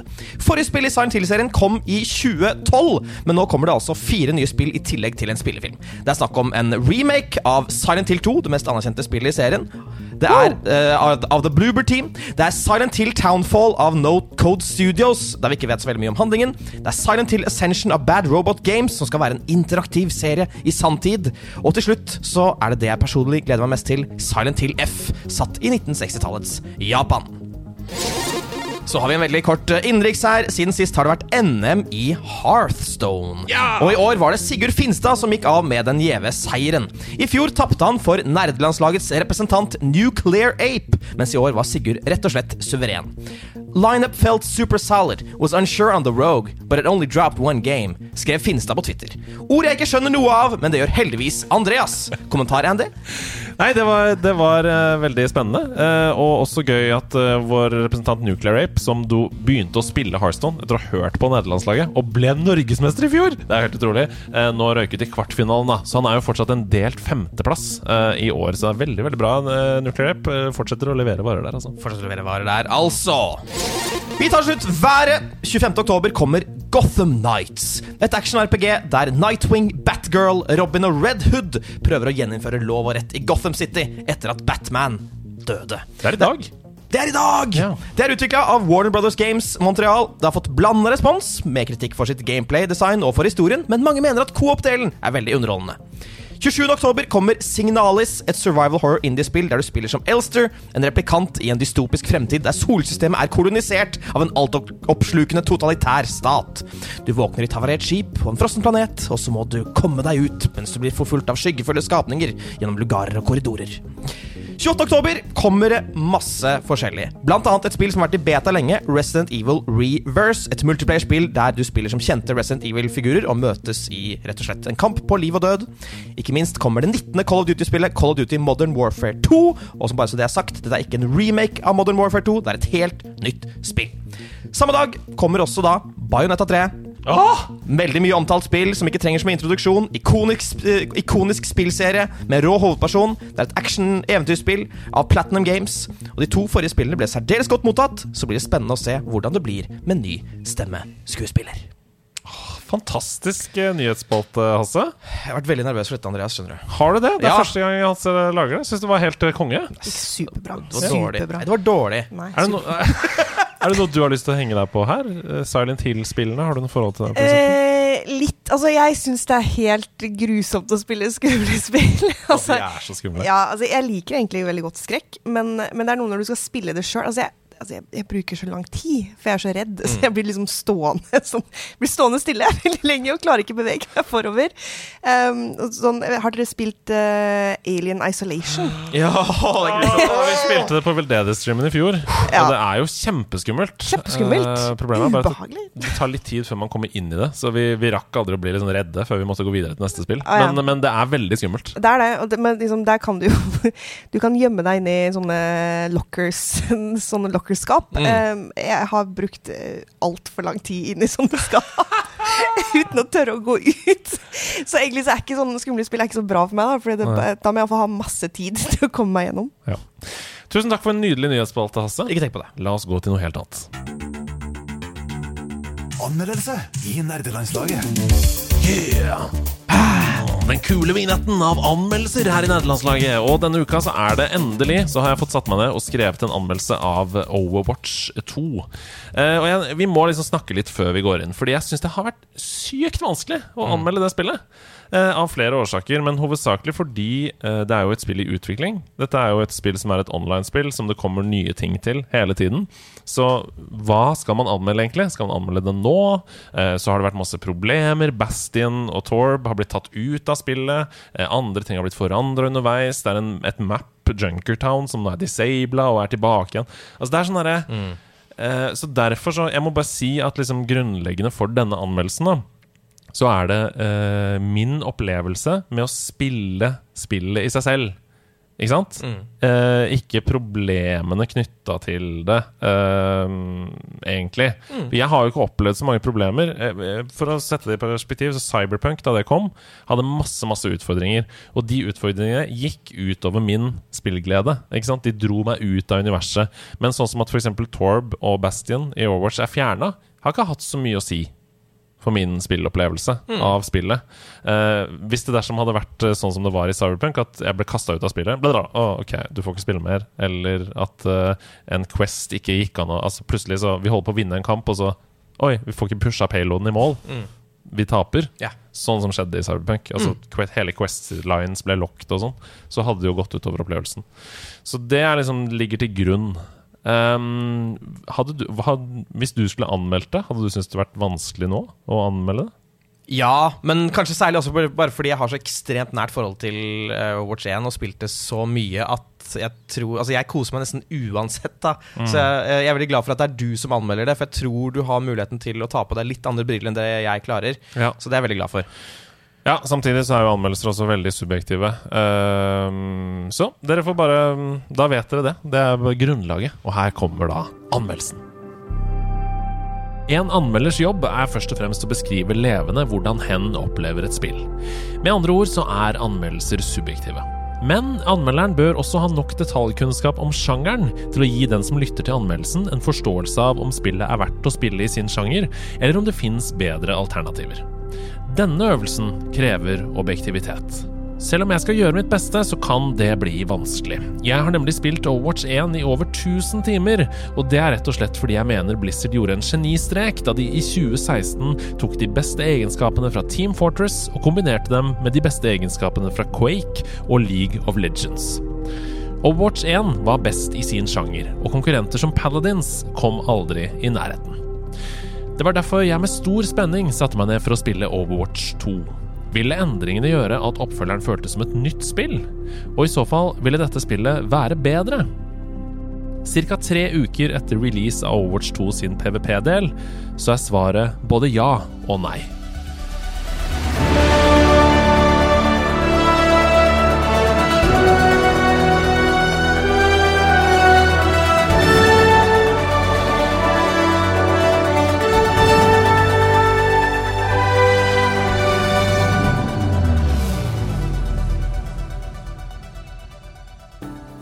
Overwatch 2 er et lagspill der to lag kjemper mot hverandre for å klare ulike objektiver. Hvert lag består av fem spillere, unike helter med ulike egenskaper. Noen er hovedsakelig bygget rundt å dele ut skade, f.eks. Sojourn eller Soldier 76. Noen skal absorbere skade fra motstanderen, sånn som Zarya eller Reinhardt. Og noen andre skal sørge for å holde resten av laget i live, som Mercy eller Lucio. Og for å legge noen ting til grunn i anmeldelsen min her Jeg spiller på konsoll, og jeg spiller på platinum-nivå som support og gold-nivå som DPS eller tank. Jeg er også en spiller som er mest glad i det kompetitive aspektet av Overwatch. Jeg er fascinert over hvordan gameplayet er bygget opp rundt lagspill, trekk og mottrekk, og hvordan kampene kan fullstendig endre karakter, med noen små justeringer i strategi underveis mens de pågår. Derfor liker jeg også best open queue fremfor roll queue, der alle spillerne fritt kan velge hvilken rolle de vil bekle. I roll queue tvinges man til å være to DPS, én tank og to support, mens i open queue er det som sagt helt fritt. Welcome to Circuit Royale.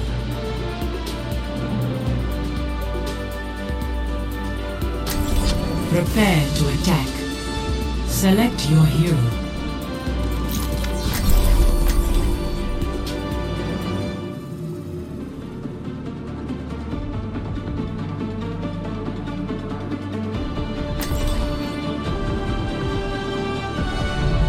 I aim to devastate.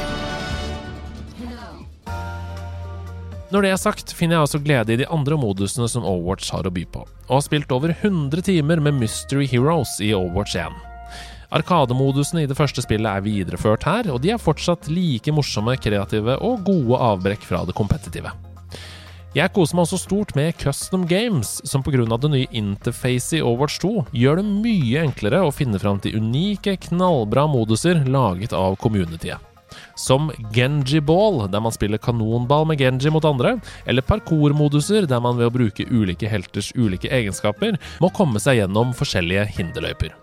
Kjempegøy! Den store forskjellen mellom Overwatch 1 og Overwatch 2 er betalingsmodellen, og den fører med seg mye større endringer enn jeg tror til og med Blizzard kunne forutse.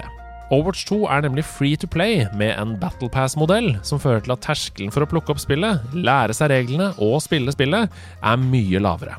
Dette er positivt, fordi det har ført til et enormt antall nye spillere som har tilført sårt tiltrengt kreativitet og spillerbase inn i modusene som ikke er kompetitive. Det er negativt fordi det har ført til at et av hovedproblemene med Overwatch 1 har blitt langt, langt større. Det er vanskeligere enn noensinne å ha det gøy når du spiller alene. Five, four, three, two, one. Attack commencing. Escort the payload. The enemy. Både Hasse, Espen og jeg, som er trioen som konsekvent har spilt Overwatch sammen siden begynnelsen, trodde at endringen til 5 versus 5 i competitive modus ville være en fordel for oss hver gang vi skulle spille alene. For når man er fem i stedet for seks på laget, så har man som enkeltindivid større mulighet til å påvirke kampens utfall. Og dette er helt riktig i teorien, men i praksis så faller det brutalt sammen pga. free to play-modellen, som gjør at det ikke er noen risiko knyttet til å ikke spille Overwatch etter spillereglene. Dersom du hovedsakelig ønsker å spille support i OpenQ, så er det helt lotto hvordan kampene blir. Ingen snakker sammen i voice. Pga. sviktende kommunikasjon så klarer man svært få ganger å få til et fungerende samarbeid med resten av laget. I hvert fall på konsoll. Det er enda mindre gøy i Overwatch 2 enn i Overwatch 1 å spille det alene. Jeg vil gå så langt som å si at Overwatch 2 rett og slett ikke er et spill som du bør spille uten å finne deg noen å spille med. For det føles nemlig som å spille fotball, der hvor alle, inkludert keeperen, ignorerer hverandre, dropper alt av strategi og bare prøver å score hele tiden. Det kan funke en gang iblant, men i de aller fleste tilfeller så taper laget. Og det kan godt hende dette jevner seg ut med tiden, ettersom de som nå bare spiller Overwatch 2 for å finne noen å skyte på, og løper vekk fra laget, begynner å kjede seg og falle fra spillet, men akkurat nå så er det det som er tilstanden i spillet. Dersom man derimot faktisk behandler Overwatch 2 som det å spille fotball som barn, ved å ringe noen venner på forhånd som blir med å spille, så er Overwatch 2 bedre på absolutt alle måter enn forgjengeren. Når man er tre eller flere som spiller sammen, så fins det kanskje ikke et bedre multiplayer online-spill der ute, som både gjør det gøy å være ny i spillet, og som gjør det gøy å mestre mekanikkene og strategiene. Ferdighetstaket er så enormt høyt i Overwatch 2, og dersom du bruker tid på å lese deg opp, trene med ulike heroes og lære deg strategier sammen med vennene dine, så blir du voldsomt belønnet endringene i heltene som allerede finnes i spillet, de tre nye heltene som er introdusert i oppfølgeren, de nye banene, den nye push-modusen og ikke minst de enorme forandringene på lydsiden gjør også at spillet føles som noe mye mer enn bare en liten oppdatering. For oss som har spilt det første spillet veldig veldig mye, så føles Overwatch 2 som et nytt spill. There will be no next time. Hello.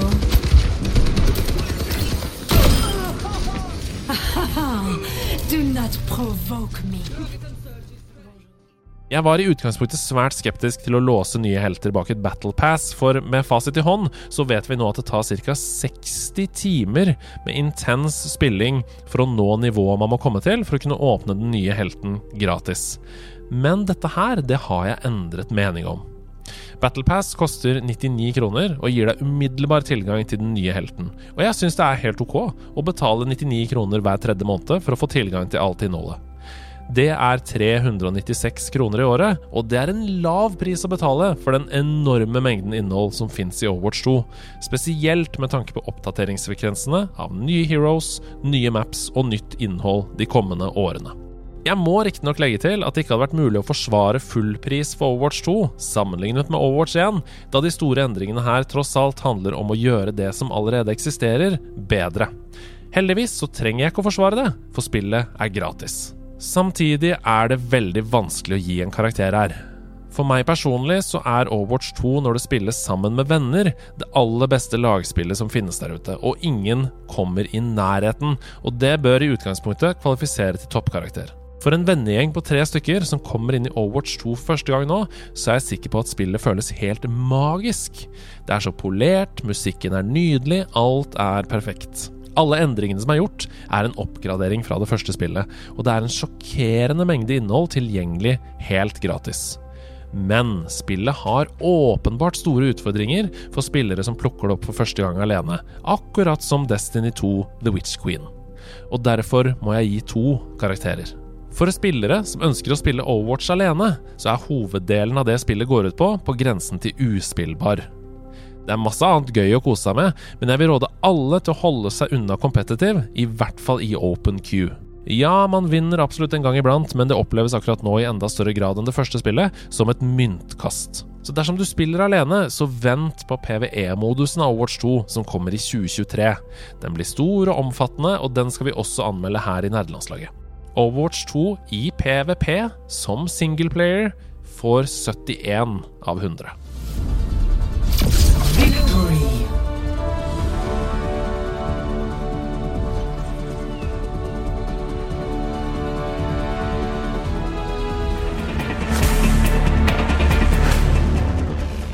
På den andre siden så har jeg det aldri gøyere med gaming enn når jeg spiller Overwatch 2 med en fast gjeng.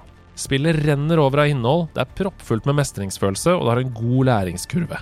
Alle endringene de har gjort fra det første spillet til det andre, er til det bedre. Og selv om det har vært en litt humpete lansering, så har ikke jeg personlig merket noe til utfordringene som andre spillere har stått i. Derfor er det heller ikke tvil i min sjel. Overwatch 2 er best i sin sjanger. Og spill som er best i sin sjanger, er i de aller fleste tilfeller klimakset av vårt kulturuttrykk til dags dato. Og derfor får Overwatch 2, når man spiller det fast sammen med venner, 100 av 100 Hedemenn. Og det, det ville jeg også ha gitt til Hearthstone og til Team Fortress 2.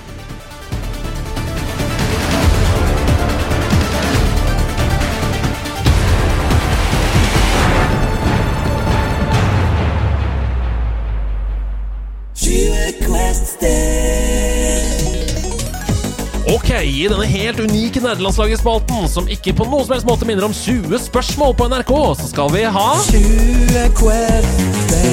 På å finne ut hvilket spill eller hvilken karakter der Hasse parodierer foran oss, slik at vi på, bare ved hjelp av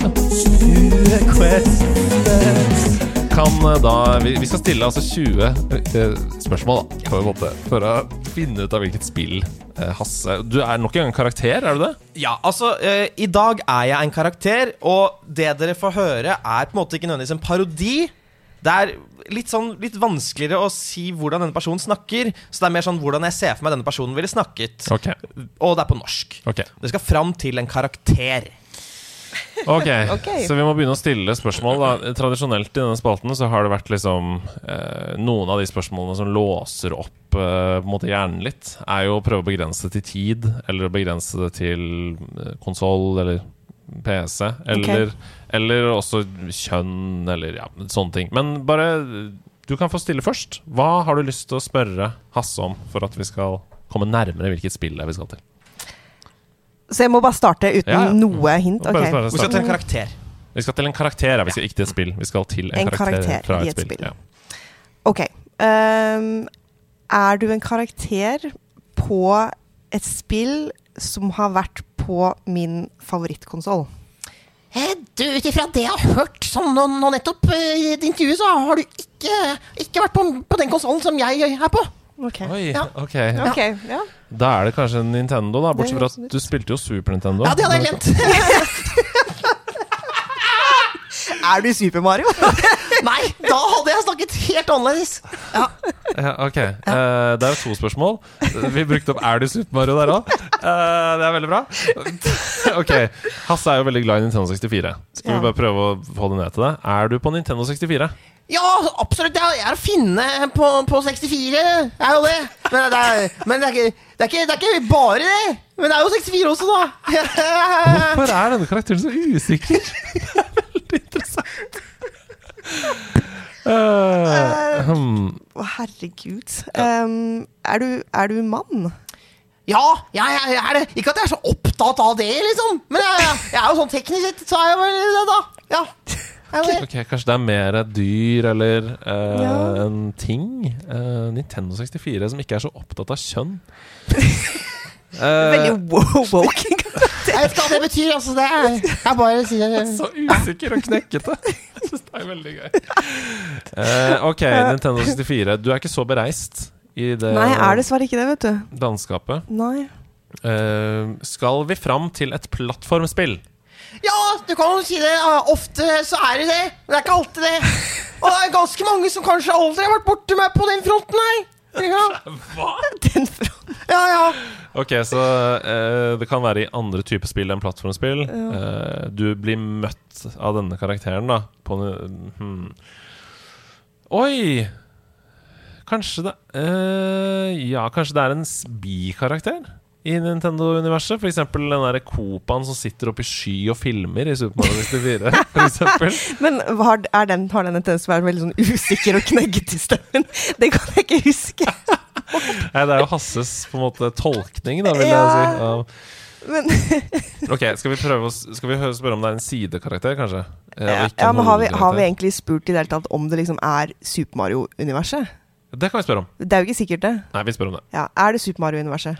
Al altså, det er sånn Egentlig så er det Det er jo egentlig ikke det. Men ikke at ikke det er noe At det hender Jeg er noe crossover. Ok, fordi da er det i Smash, da. Så er det jo også crossover i Super Smash. Da møter jo på en måte Nintendo-karakterer hverandre. Ja. Um, Åh, vent, da. Nei, ikke hovedsakelig. Jeg bare tenkte på rabbits. For det er de der kaninene som er sånn ute og De kaninene. Det vet jeg ikke hva er. Nei, de er veldig sånn som Hasse er nå. Men de var ikke først på Nintendo 64. Nei. Um, Jeg sa aldri at du var først, bare så det er sagt. Jeg har aldri sagt det er dine ord. Men det høres litt kanin ut nå som du sier det. Hvis hvis en kanin hadde snakket norsk. skal, vi, skal vi spørre om det? Ja. Skal vi til rabbids? Nei, vet du. Jeg har holdt på mye lenger. Det er dumme kaninene. Jeg har ikke noe for Liker ikke de kaninene her.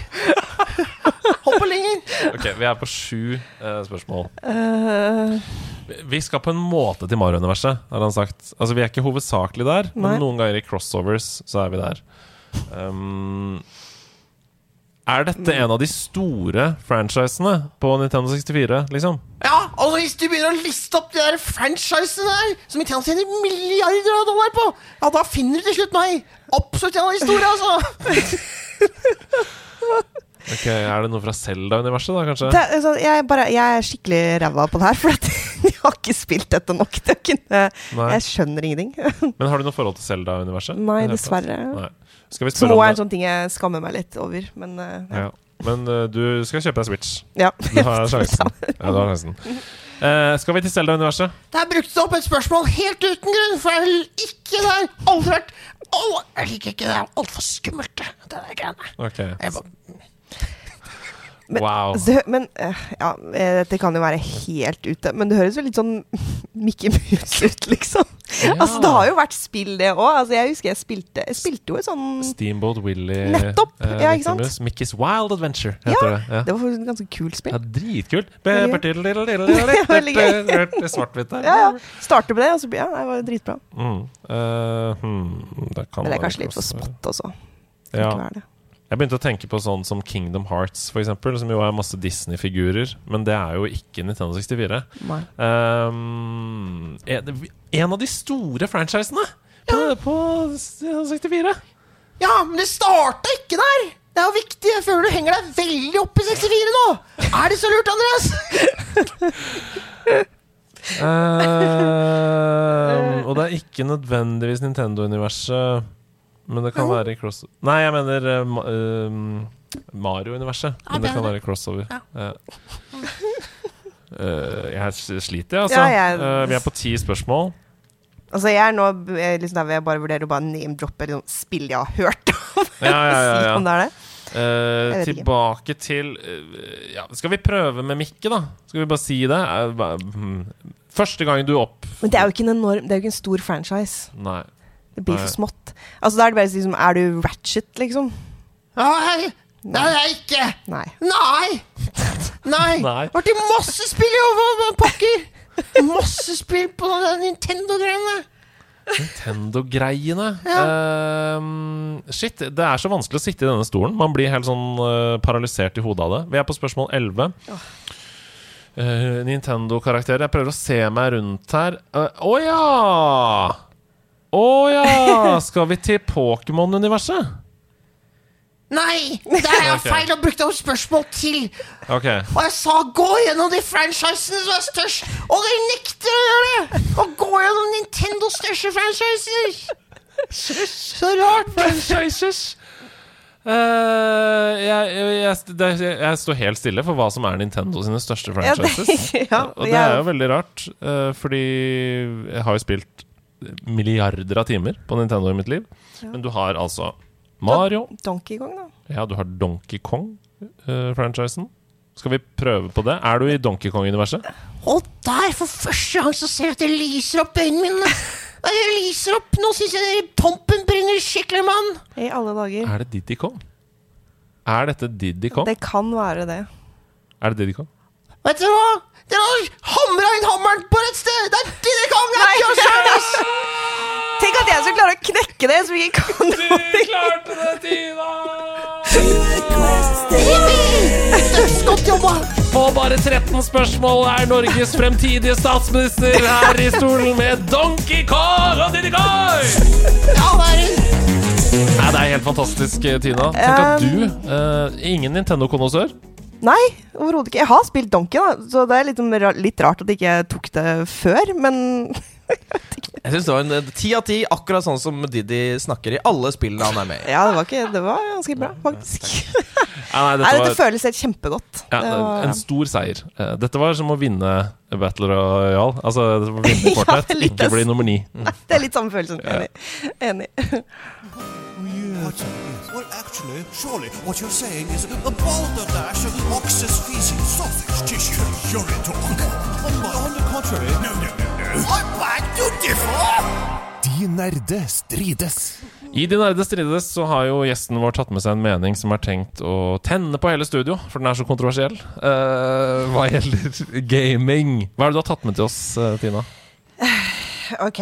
ehm, Dette er jo vanskelig, for en politiker skal jo Ja. sjelden være kontroversiell. nei, ja, det er veldig vanskelig. Um, ok, nå, nå med forbehold om at eh, folk kan bli faktisk ganske sure av dette. Men, men det er også derfor jeg syns det er fascinerende, fordi det bare Jeg skjønner ikke hvorfor det er sånn.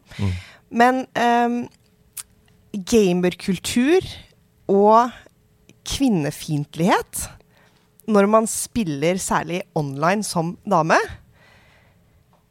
Det kontroversielle er Ikke kontroversielt, håper jeg, men what the fuck? Altså, Ja, ja, ja. Hva, hva er det med det? Altså, jeg, bare, jeg blir så fascinert over det, på en måte, for jeg skjønner ikke hvorfor dette hatet mot kvinner som gamer. Og er flinke. Vi lagde jo episode av Nederlandslaget på kvinnedagen i Ja. år. Og hadde en appell mot slutten av episoden til alle mannlige gamere som shamer og eh, er toxic mot Mm. kvinnelige gamere der ute. Eh, og eventuelt eh, kvinnelige gamere som er toxic mot andre kvinnelige. Ja, ja. Det, jeg tror ikke det er så mye av det, hvis jeg skal basere på empiri. Fordi nederlandslaget når jo veldig bredt. Ikke sant? Det er mange som hører på oss. Og det vil si hvis vi ser på statistikken, så vil det si at noen av de som hører på oss, oppfører seg på den måten. Ja. For det er nesten umulig å være kvinne eh, og spille online og ha på voice uten å bli møtt med en eller annen form for dritt. Ja, jeg, jeg bare Jeg skjønner det ikke. Altså, sånn, altså du, det, er bare sånn, det er ikke så veldig mange andre arenaer i samfunnet hvor det er normalt. Mm. Mens i gameruniverset så er det normalt. Man gjør det ikke når man det? Man gjør det ikke når man sitter på T-banen. Man gjør det ikke når man møter folk i, i virkeligheten på gata. Uh, man gjør det ikke når man sitter på kino. At det er sånn eh, det er to innganger til kinoen. En for menn og en for kvinner. Og de som er for kvinner, de sitter i et lite område hvor alle mennene i salen i kinosalen roper ting til dem mens de ser på filmen. Kjempe, det er skikkelig merkelig. Ja. Altså, jeg bare forstår det ikke. Jeg, jeg tror det handler om at dette er et av de få stedene der man er anonym med stemmen. Altså Man kan jo være anonym på Twitter og alle mulige andre sosiale medier, men hvis man liksom velger å gå inn i en online-verden, så er, man liksom gjemt bak et navn, og da kommer alt det derre agget. Men, men gutter er jo ikke sånn generelt. det det er er det som er så sært med det. Altså, Ja. Hadde det vært sånn at dette var en sånn åpen hemmelighet, alle vet at egentlig så hater alle menn kvinner, liksom. Og så får de utløp for det når de sitter eh, liksom og gamer. Men det er jo ikke sånn. Det er derfor det er så, det er så merkelig fenomen. Hvor kommer den aggresjonen fra fordi du er og spiller et sted Mm. på nett? Det er super weird. For meg så virker det som en selvoppfyllende eh, profeti, på en måte. Altså en, en kultur som etablerte seg en eller annen gang som at det var edgy og liksom tøft. Og, eh, og så er det jo bare There's only jokes, man. Ikke sant? Det er ikke, det er ikke, jeg mener jo ikke at du skal gå og ta livet ditt, liksom. Jeg mener jo det ikke. Men så har det blitt en slags sosial valuta å være drøyere og drøyere. Og at de andre gutta sier sånn Fordi det er så drøyt, da. Eh, Og så ville man aldri gjort det i virkeligheten. Men så har det på en måte bare eh, boosta i en sånn ond sirkel. At det blir bare verre og verre og verre. Ehm, men jeg tror For jeg er jo helt enig med deg. Disse menneskene er jo i de aller fleste tilfeller ikke slemme, onde eh, eller hater kvinner Generelt, liksom. generelt. Så jeg skjønner Det må være Jeg, jeg opplever at det må komme derfra, som en sånn stemning internt i gjengen. Og det er jo sånn Mange sånn kampanjer de siste årene har jo vært på det. Hvis du ser noen oppføre seg dritt på byen for eksempel, mot noen andre, så er det noen andre i gjengen som må gripe inn og Ja. si 'det syns jeg ikke er greit', eh, for å ende på denne kulturen. Er det ikke det man må her òg, da? Jo, det er, det er egentlig det jeg mener da med liksom, å bringe min kontroversielle mening til torgs her i dag. At slutt å akseptere det. Mm. Altså ta et oppgjør med det, da. Si at jeg gidder ikke spille med folk som gjør sånt med andre som de treffer å spille med på nett. Mm. Altså Hvis ikke du er mann nok til å takle at en dame dreper deg i Mm. Counter-Strike, så drit i å spille, liksom. Finn på noe annet. Det er deilig å si! Hvis du ikke er mann nok til å takle at en dame dreper deg i Counter-Strike. Ja! Der har vi Der slogan, har vi 2022 og nå 2023 eh, sin neste slogan. Da Der kan takk. du si som du startet sendingen med. I should go, kan du si I det. should go. I should go. Nå er vi gode! Nei, det er veldig bra. Jeg er helt enig. Nydelig kontroversiell mening som ikke bør være kontroversiell Ja. i det hele tatt. Gå lydplanken! Arr, mine lille små pirater som sitter her rundt bordet. Nå skal dere ut på lydplanken! Nei, nei, jeg vil ikke. Ja, du må, du har ikke noe valg, din lille piratgutt. Jeg heter Didi Kong. I Går lydplanken så står dere nemlig på hver deres lydplanke på vårt lydpiratskip eh, og eh, skal utfordres i eh, spillmusikk. Eh, og den som taper, ja, den må gå lydplanken. Hoppe ut i musikkmyra. Bli spist av G-nøkken der nede i musikkmyra. Eh, det er altså tre oppgaver eh, hvor det kommer spillmusikk. Og så skal dere rope navnet deres. Å, dette spillet er Og si hvilket spill musikken kommer fra. Eh, og så er det et oppfølgingsspørsmål knytta til det. Så her er det mulig å få poeng på å vite musikken, men også på å være en quizer eh, i etterkant. Hvor god er du på quiz? Eh, ikke supergod. Nei, ikke jeg heller. Så- Nei, du bare lager quiz uh, flere ganger i måneden. Ja, ja. Ok, dere, Her kommer den første oppgaven. Eh, Det kommer altså musikk. Eh, rop ut når dere vet hvilket spill det er fra. Og hvis dere ikke eh, kjenner musikken, så ikke vær redde for å rope ut, for å gjette heller. Det er ikke sånn at dere blir Jeg, jeg kapper ikke av lydplanken deres eh, hvis dere gjetter feil. Greit. Så ikke vær redde for å gjette. Ok, her er første oppgave.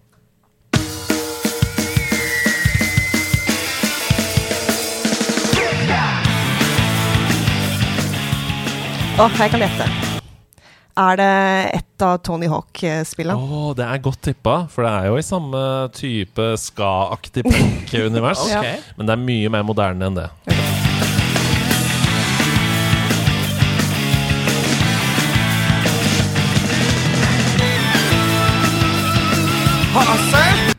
Er det Splatoon? Det er Splatoon på Nintendo Switch! Som du ikke eier. Nei, det er akkurat det. Ja. Så eh, jeg skjønner at denne quizen er rigga, men det er greit. Nei, men altså Splatoon, altså et skytespill. eh, det er en av de få skytespillene som fins på Nintendo Switch. eh, hvor man da istedenfor å skyte på hverandre, skal male byen i sin farge. Og male motstanderne. Fordi det selvfølgelig er eh, mer PG13-vennlig. Her kommer oppfølgingsspørsmålet. eh, og da antar jeg, for du har vel heller ikke spilt Splatoon, Hasse? Nei. Her blir det bare å gjette, da. Mm. I Splatoon så styrer man såkalte inklings. Eh, men hva heter byen hvor disse malingskampene utspiller seg? Altså, hvor er det Inklings bor i Splatoon? Ja, altså. Ja. Nei, det er jo bare Jeg får bare sl slenge ut uh, Ja. eh, Paint City. Paint City. Ja. The Paint City. Nei da, det er ikke det. Uh, akkurat som at i Norge så bor det nordmenn, så kan du kanskje tenke på at i Inktown. Å, det nærmer seg. Ink City. Å, det nærmer seg. Inkville. Veldig! Jeg skulle så sykt ønske at det var riktig, så jeg kunne si sånn Det er poeng til begge! Men det er dessverre ikke det. Dette er Inkopolis. Ah, selvfølgelig. ho- Svært. Ja. Metropolen.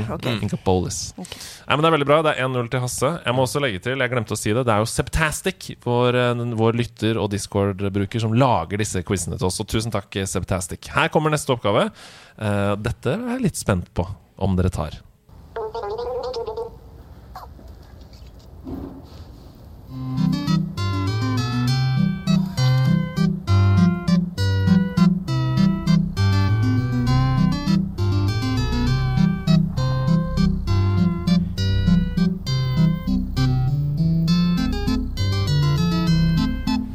Det er Altså, noen Ja, hva heter det? Outer Wilds? Nei da. Det er noen hint her i bakgrunnen. Mm. Prøv å ikke lytte til den veldig markante gitarmusikken i starten, men prøv å lytte til hintene i bakgrunnen.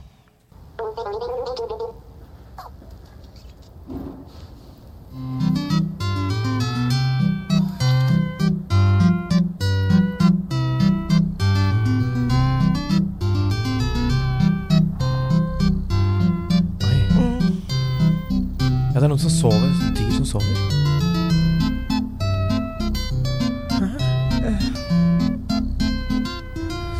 Sover, Andreas! Ja. Jeg hører det. Eller er det et dyr som Eh, Som ikke sover, men som lager en sånn type lyd. Som maler, kanskje? Ja.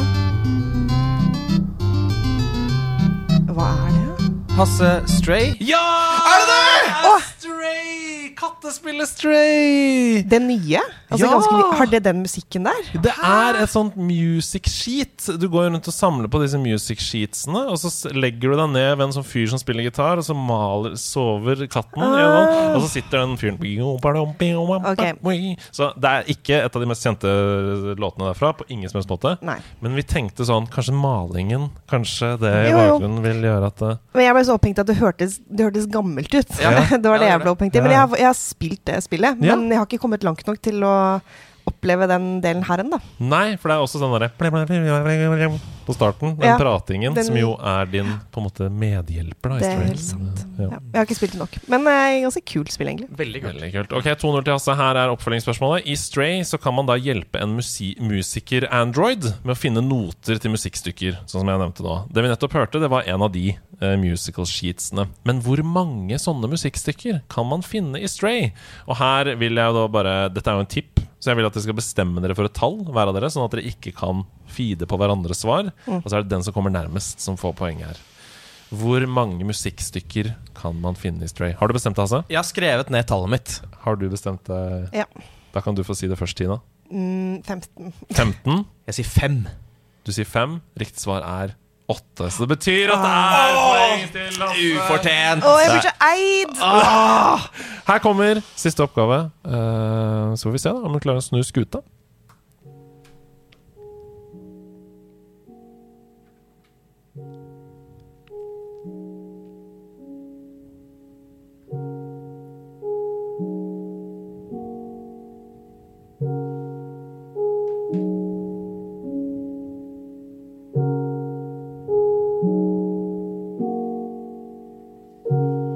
Kan si at vi har snakket om dette spillet i denne episoden. Jeg tror ingen av dere har noe forhold til det. Vi har snakket om det, og ingen har noe forhold til det. Hasse Oregon Trail. Det har jo Tina veldig er forhold til. ikke det. Men hva er det Ok, Tina kanskje det er Selda, da. Nei, Nei. men hva er det Tina ikke mestrer, da? Å, Minecraft! Ja! ok, den Veldig, veldig bra. Det var veldig snilt at dere ga meg en mulighet til å Det er ikke meg, det er Septastic Det er Septastic som har laget disse oppgavene. Uh, 3-1, uh, og her kommer oppfølgingsspørsmålet. Minecraft er, og har alltid vært, et veldig veldig populært spill. I 2020 så nådde Minecraft sin peak med tanke på månedlig aktive brukere. Hvor mange månedlige spillere hadde Minecraft på det meste? Og nok en gang, her er det gjettekonkurranse. Eh, det er ingen som går rundt og husker på dette tallet i hodet, så om å komme nærmest. Hvor mange peaket hver måned i Minecraft? Altså Det var én måned der hvor dette tallet var på sitt høyeste. Å, herregud. Hvor mange spillere? På verdensbasis. da altså. Jeg har skrevet ned et tall. Du har skrevet ned et tall. Uh, og Tina bruker nå hjernen sin på å resonnere. Hvor mange mennesker finnes det egentlig i verden? Ja, det er akkurat det Hvor mange og spiller dataspill? Og som ikke er som meg, som ikke fikser det Ja, spillet. Hmm. ja, ja, ja, ja. Nei, skal vi, skal vi bare tippe på eh, ti millioner, da? Du tipper på 10 millioner, ja. 32 millioner. Oi. Det riktige svaret er 131 Å, millioner sammenhengende spillere. 131 millioner! Ok, men da må, jeg, da må jeg gjøre en ny innsats på å forstå Minecraft. Hvis 130 millioner mennesker kan Ja. sitte og spille det. Ja, ja. Ja, det er et i en veldig, veldig populært. Altså, hvis du når ut til 5% av dem Oi! Så det er mange stemmer, altså. 5% av 132 millioner. Da er du rett inn i Europarådet i FN eller noe sånt. Hvis ja, ja. Nei, men Det er fantastisk. Ok, Det er jo et overhengende tema her, da. Hva er fellesnevneren mellom Minecraft, mellom Stray og mellom Splatoon? Hva er fellesnevneren mellom de tre spillene? Uh, Septastic har valgt ut disse fordi det er en slags gåte her, da. Ikke sant? Eh, Stray, Splatoon og Minecraft. Det er mye mer basic enn det dere sitter og tenker på nå. Det har ikke noe med selve innholdet i spillet å gjøre. Det er ikke noe med noen av de tingene.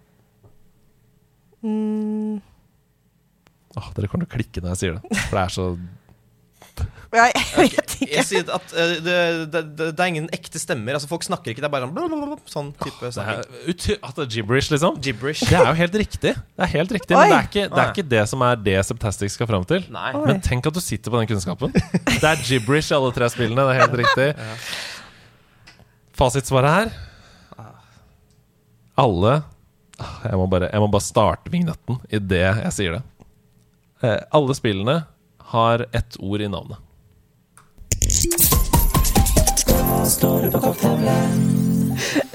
Da syns jeg faktisk at Hasse sitt var bedre. altså, Han har ett ord i navnet! Stray, Splatoon, Minecraft. Det er bare ett ord. Ettordsspill. Altså tittelen her er ett ord. Ha det vekk! Ha det vekk! Få det bort. Ja, det vekk. Vi er på korktavlen, vi, der hvor folk stiller spørsmål til oss som vi kan svare på. Eh, og denne gangen så er det veldig bra at vi har en slags ekspert på temaet med. Um, hei, trenere og utøvere på verdens beste landslag. Som forelder til barn som gamer, så lurer jeg på hvordan dyrker en fram gode, danna gamere? Jeg spør om dette siden jeg opplever mange av streamerforbildene til barna ofte er toxic og ufyselige, just for show. Det er nok mye banter og avtalt spill ute og går, men om det er forståelig for barn, det er ei anna sak. Uansett så har dette dessverre stor underholdningsverdi, og de tar det med seg inn i sin egen spilletid online. Og uansett hvor lang praten om kardemommelova blir, så er det om å gjøre å rakke ned på deg en spiller med. Med andre ord hjelp! Kjøttet freser. Hilsen esel. Hva, hva skal man gjøre her, da?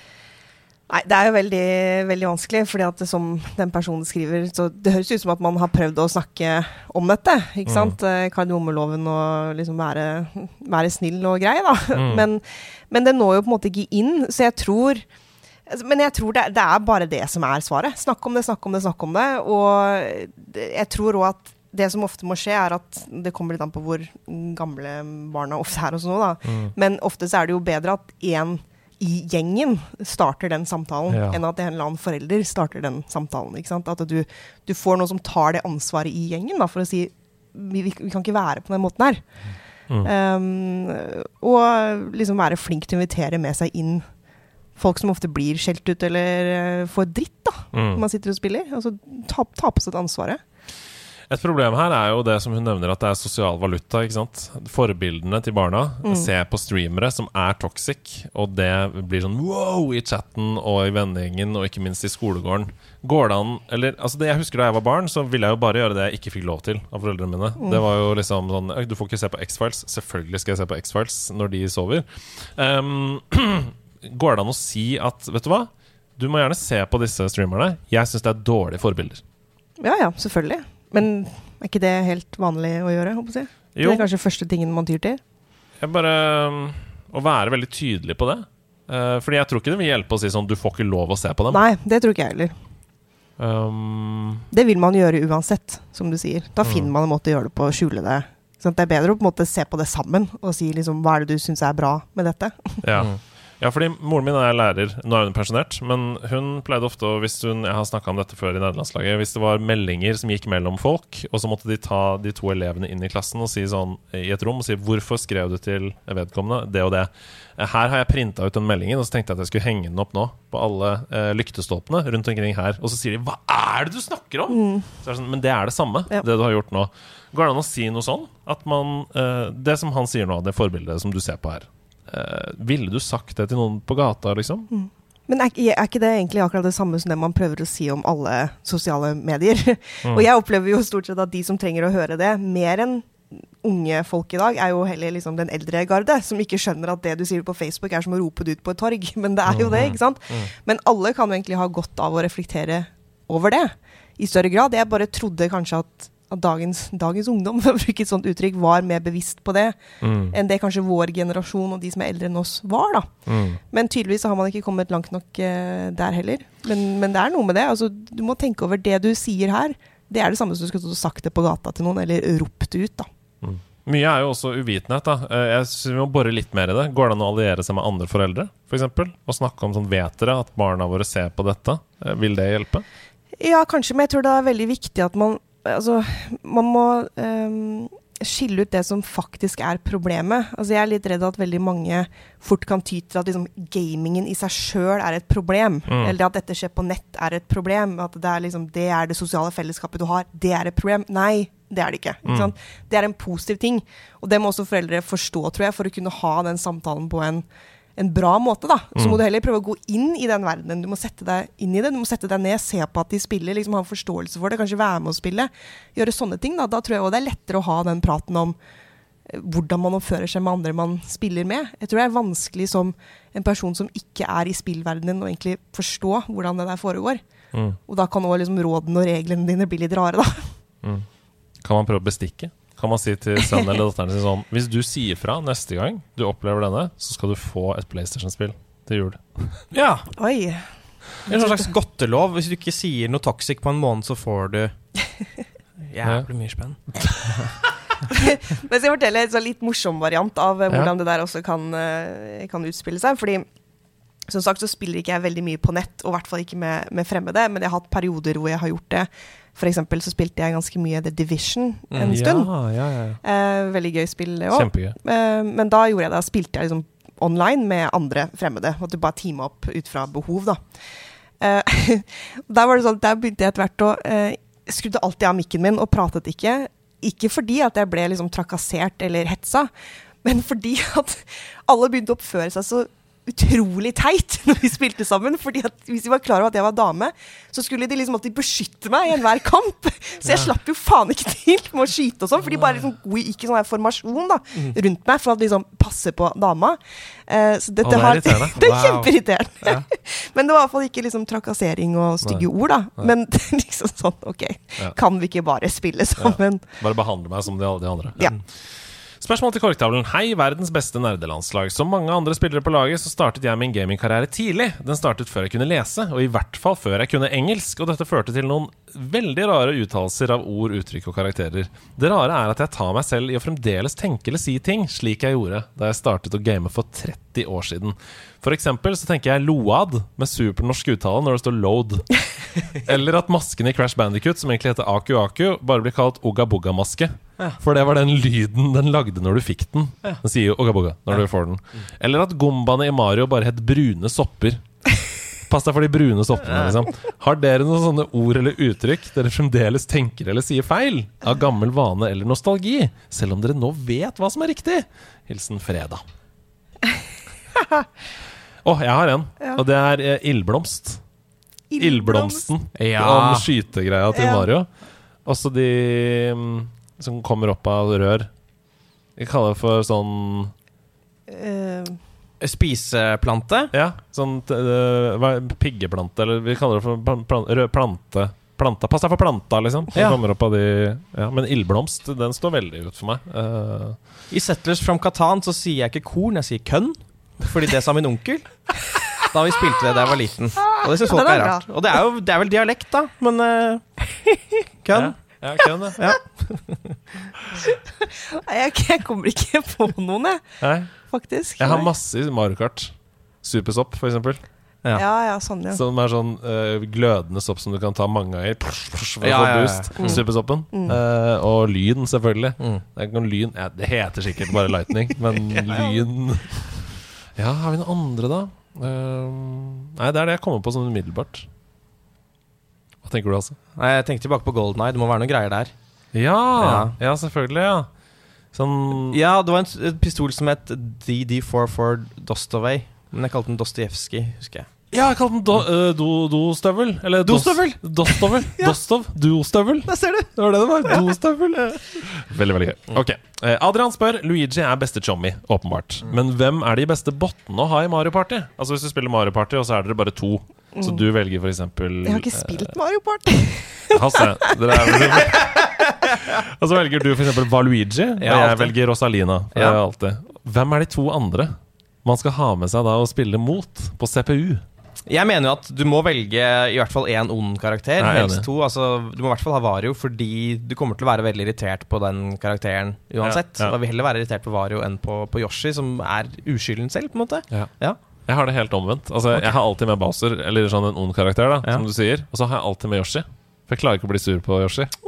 Så det gjør, da rager jeg ikke. Det er bare, ja, ja, Yoshi vant, det er greit. Eller Yoshi fikk stjerne nå. Ja, går. Elsker Yoshi. Jeg elsker Yoshiene som kan fly.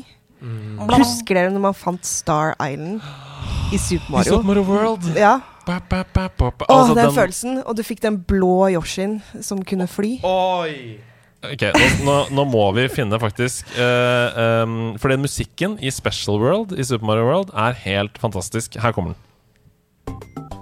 Mm.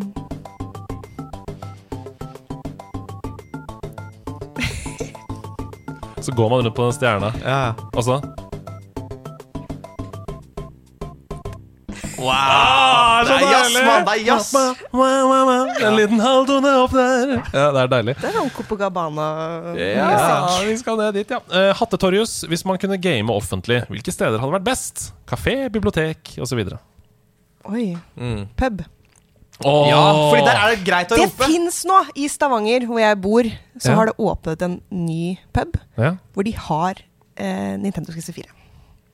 Vi sitter på House of Nerds på Vulkan, Ja. som er en pub hvor du har Nintendo 64! Det er perfekt! Ja, Det er det beste! Må hashtag annonse, da, må vi si. For vi sitter jo her. Men, men det er jo sånne steder som dette, da. Men det hadde jo vært gøy også hvis det var f.eks. eternettkabeluttak på toget. Så du bare kunne Ja. flippe kabel rett inn i toget, og så var det sånn OK, guys, rett på Fortnite. Ja, men da må den vognen være sånn Altså det motsatte av stillevogn. At det liksom her er det lov å, å rage litt og Ja, rope. Ragevogn! Ragevogn. Ragevogn! Ja. Jeg vil ha det! Ja. Gamevogn på toget. OK, Vy. Dette er veien inn til en mer klimafremtid. Ja, så Da hadde jeg tatt mye med tog. Jeg er enig! Helt enig! Ragevogn på Vy. OK, Endre. Uh, hvilken spillkarakter vil dere være sidekicket til? Mm. Mm. Mm. Oi. Men må det være en eksisterende sidekick? Eller kan Nei man liksom kan finne på- en Eh, sidekick? Tiny Tina, for eksempel. Ja. Du- Kunne vært en sidekick. Mm. Det er jo en karakter i Borderlands. Tiny Tina, Ja. faktisk. Ja. Uh, ja, det er det. Nei, jeg, Hvis jeg ville sidekicken til noen som eksisterer allerede Det er kanskje gøy å være sidekicken til en Pokémon. At liksom Pikachu, Ja. og så er jeg lille Hederchu. Hederchu, ja. Kan går ved siden av Pikachu hele tiden. Jeg vil være sidekicket til Gordon Freeman i Half-Life fordi jeg er introvert, og da slipper jeg å snakke så mye med han, for han snakker ikke. Det er det beste svaret. Eh, vi tar ett spørsmål til, og så gir vi oss. Halla! Sier Pilsebob. Hvilket spillrelease ser dere frem mest, eh, mest frem til i løpet av de neste seks månedene? Hvilket spill? Mm. Jeg må svare den nye, den nye uh, Call of Duty. Ja, Mm. Modern Warfare. Uh, Ja, Som ikke er likt det gamle. Modern Ja, Warfare. ja, ja. Men, men det er fordi at eh, Igjen, for å være ærlig en stund Jeg har prøvd, tror jeg, alle Call of Duty-spillene. Og aldri kommet skikkelig inn i det, for en eller annen grunn. Så jeg tenker sånn Kanskje det er denne gangen. Kanskje det er denne gangen jeg skal få den opplevelsen. Fantastisk. Mm. God of War Ragnarok, da. Kom Ja, det- det er det jeg skulle si. Ja. Og du har jo spilt det, så du kan ikke si det. Nei. For da vil du avsløre om du liker det eller ikke. Ja. Dessuten så ser jeg jo ikke frem til releasen. um, eh, jeg ser veldig frem til Lord of the Rings Gollum. Som ikke har fått noen releasedato, men som skulle ha kommet, og så har det blitt utsatt, bare. Som Mm. er et sånt snikespill i Lord of the Rings-universet, hvor du spiller som Gollum. Da. Men nå husker jeg ikke hva det heter, men det er et spill som nå kommer det, Jeg vet ikke om det er neste år, men det er da inspirert av eh, War of the Worlds-filmen. Oi. Ringer det noen bjeller? Ja, nei, jeg har ikke fått det med meg. Det er en blanding av det og liksom Last of Us. er litt sånn Det er markedsført, da, men det ser mer open world ut enn Last of Us når du ser liksom klipp på TikTok og sånn. Men det å se sjukt kult ut Der er det sånne svære sånn War of the Worlds uh, Zombiefest. tripods, Tripods, Oh. som uh, løper etter Mm. Vi gleder oss, og vi skal inn i siste spalten for i kveld før vi gir oss. バラバラに思いつくんですけじ。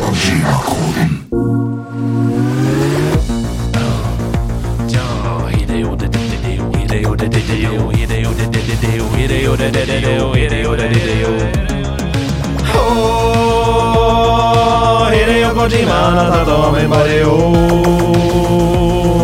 ヒデヨコジのなたとメンバよいやヒあなたとメンバよ Velkommen til Kojima-koden, der jeg og Hasse har latt Hideo Kojima, Jima, Jima, Jima.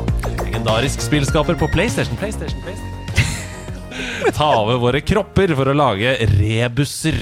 Eh, og i hver rebus så skjuler det seg et spill som dere skal fram til. Så aller først nå så må dere slå hodene sammen, Tina og Hasse, og finne ut hvilket spill det er som skjuler seg i min rebus. Og her kommer første ledd. 2019 var året dette spillet oppsto. Vi hoppet i et helikopter der det kun var plass til to. Helikopter i spill. Nå har jeg hørt det. Eh, ok, 2019. Ja. Helikopter. Kun plass til to. Ja Mm. Dette er, dette er sprøyt. Det finnes ikke. Eh, Litt vanskelig første ledd der. ja, det tror jeg kanskje det er. Eh, 2019 var året dette spillet oppsto. Vi hoppet kanskje ikke. Vi satte oss inn i et helikopter. Der det, fordi det satt noen andre inni, kun var plass til to. aha. Um, Uh. herregud. Microsoft Flight Simulator. Ja, Ja, ja. Dere velger å svare det? Ja, Ja. det Det det. er dessverre feil. Ok. okay. Uh, så dere, jeg har ett ledd til. Mhm. Prøv å vri hjernene nå oh, ja. og på å skjønne hvilket spill det er vi skal til. En motorsykkel tøff Å, Days Gone. og en hovedperson like så mot freakers og swarmers er deacon til å stole på. Det er helt riktig! Ja, men det er jo ikke Altså, jeg tenkte på dette, men det er jo flere enn to i det helikopteret i starten. Ja, men det er bare plass til to! Ja, for det det flere to ekstra. før. Hadde du Ja! sagt to ekstra, så hadde jeg svart med en gang. Jeg prøvde jo til og med å hjelpe dere! Og si det var plass til flere, men det var bare to som kan hoppe inn. Nei, det er veldig bra. Wow, Days Gone! Det er satt med en gang. Ja. Eh, veldig, veldig bra jobba. Det betyr at dere får en, eh, ett poeng hver Takk. I denne oppgaven. Og nå er det vår tur. Ja. Okay. Til å Dette spillet ble laget i Vietnams land. Men ikke heng dere opp i det hintet der, mann. En skarve fyr satt og lagde det her. Og det ble ikke bare rør, men også litt fjær. Oi Det ble lagd i Vietnam av én person. Lagd i Vietnam. Og det ble ikke bare rør, men også fjær. Men det er jo Super Mario. Det siste. Ja, ja, men én fyr i Vietnam. Nei, det er akkurat det. det men det I don't know. det Det første, jeg, det første jeg tenkte på, var faktisk det der arkadespill Eller det PC-spillet hvor du måtte la sånn eh, vann gå gjennom ulike rør fra start til slutt, og så måtte du sette inn forskjellige typer rør. Altså fi- firkant, sånn X-rør, buer og sånn, for ja. at den skulle flowe gjennom fra start til Ja, det Fjær? Det ble ikke bare rør, men også fjær? Hmm. Jeg føler at rør betyr noe mer enn bare tull, liksom. Det betyr Ja, altså jeg tenkte jo Super Mario pga. rør, opplagt, ja. og at det òg fins fjær i det spillet du får kappe og sånn. Men Mm. det er jo ikke hvit, altså det er Vietnamgrein er det noe. know. Nei, nei, jeg har ikke. Jeg tror vi må ha et ledd til. Greit. Da det først kom ut i år 2013, ble spillskaperen fort både frustrert og gretten. Han følte at spillet ble for populært. Han dro fuggeren tilbake, noe som er ganske sært. Ja Er dette enten Fez Nei, for det var fra Canada. Er det Braid av Jonathan Blow? En fyr. Rør og fjær. Du samler jo på puslespillbrikker. Han dro fjæra tilbake. Altså, han Dro fuggeren tilbake. Dro fuggeren tilbake. Han følte at spillet ble for populært. Øh, hva Nei, altså, det er da? dere som er Ja, jeg burde jo vite eh, dette. ekspertnerdene her. Uh, ett spill i Vietnam jeg, jeg, jeg, Dette vet jeg jo, helt sikkert. Hvis du sier sånn Ja, det er Minecraft! Så er det gøy. Men han dro fuggeren tilbake. Jeg vet jo at det er spill som, mm, sku, som ble for populære, liksom. Som ble dratt tilbake. Mm. Uh, Av indie Jo, det er selvfølgelig Flappy Bird! Det er Flappy Bird med rør som får fuglen gå gjennom mobilspillet. Og han lagde det fordi det skulle være irriterende. Og så trakk han det tilbake. Det er Flappy Bird! Ja, det er det! Det er Flappy Bird! Det har jeg ikke spilt, men eh, det må jeg teste nå, tror jeg. Åh, det var digg! Åh, det var digg at den kom ut. Åh, jeg er veldig glad for det. Ja, nei, Flappy Bird, det er bare å laste det ned, Tina. Ja. Og med det så har vi flaksa oss til veis ende i denne episoden. Hva, hva, har du noe du vil legge til til slutt? Hvor kan vi følge deg framover? Og hvordan har dette vært å være med på? Eh, Det har vært superkjekt å være med. Ja. Mm, Virkelig, virkelig gøy. Ny opplevelse. Bra å få brukt hjernen på noe annet enn Ja. statsbudsjett og sånne ting. Så jeg blir quiza på spill jeg aldri har hørt om og sånn. Det er veldig bra. Eh, Jeg kommer til å ta med meg Flappy Bird. eh, Laste det ned. Mm. Men det kan vel kan det lastes ned? Jeg vet ikke. For det ble trukket tilbake. Det er veldig fra- dårlig spill. Ja, jeg liker det godt. Nei. Nei, jeg liker det ikke. Jeg får ikke lov å like det. Men kan, kan vi følge deg på Twitter? Uh, vet du hva, jeg er ikke på Twitter Altså, jeg er der, men det er et toxic miljø, så jeg liker ikke å være på Twitter. Nei, nei. Men uh, jeg har en side på Facebook og sånn, så det Ja! må følge der. Stortingsrepresentant eh, Tina Bru. Og så går det an, så må jeg få lov å, hvis jeg får lov eh, Jeg har jo også en egen podkast sammen med to kolleger fra Stortinget. Som heter Stortingsrestauranten. Som ikke er så kjedelig som man kanskje kan tro, fordi at det er politikk, men eh, det er et innblikk i hvordan livet er på Stortinget og det vi holder på med. Ja, så gøy. Da forventer vi at uh, neste tematikk for neste episode har noe med dette å gjøre. Jeg skal name-droppe dere. Let's go! Nei, men folkens, Tusen takk for at dere hører på, som alltid. uh, vi gleder oss veldig veldig til veldedighetsstreamen. Det kommer til å bli så kok. Jeg, jeg er litt bekymra, for jeg har ikke stemme, og jeg sover litt dårlig om natta. Så 73 timer sammenhengende, det blir spennende. Eh, men eh, vi gleder oss. Tusen takk for at du kom, Tina. Veldig kjekt. Takk til deg, Hasse. Takk til deg. Ha det bra. Ha det. Ha det.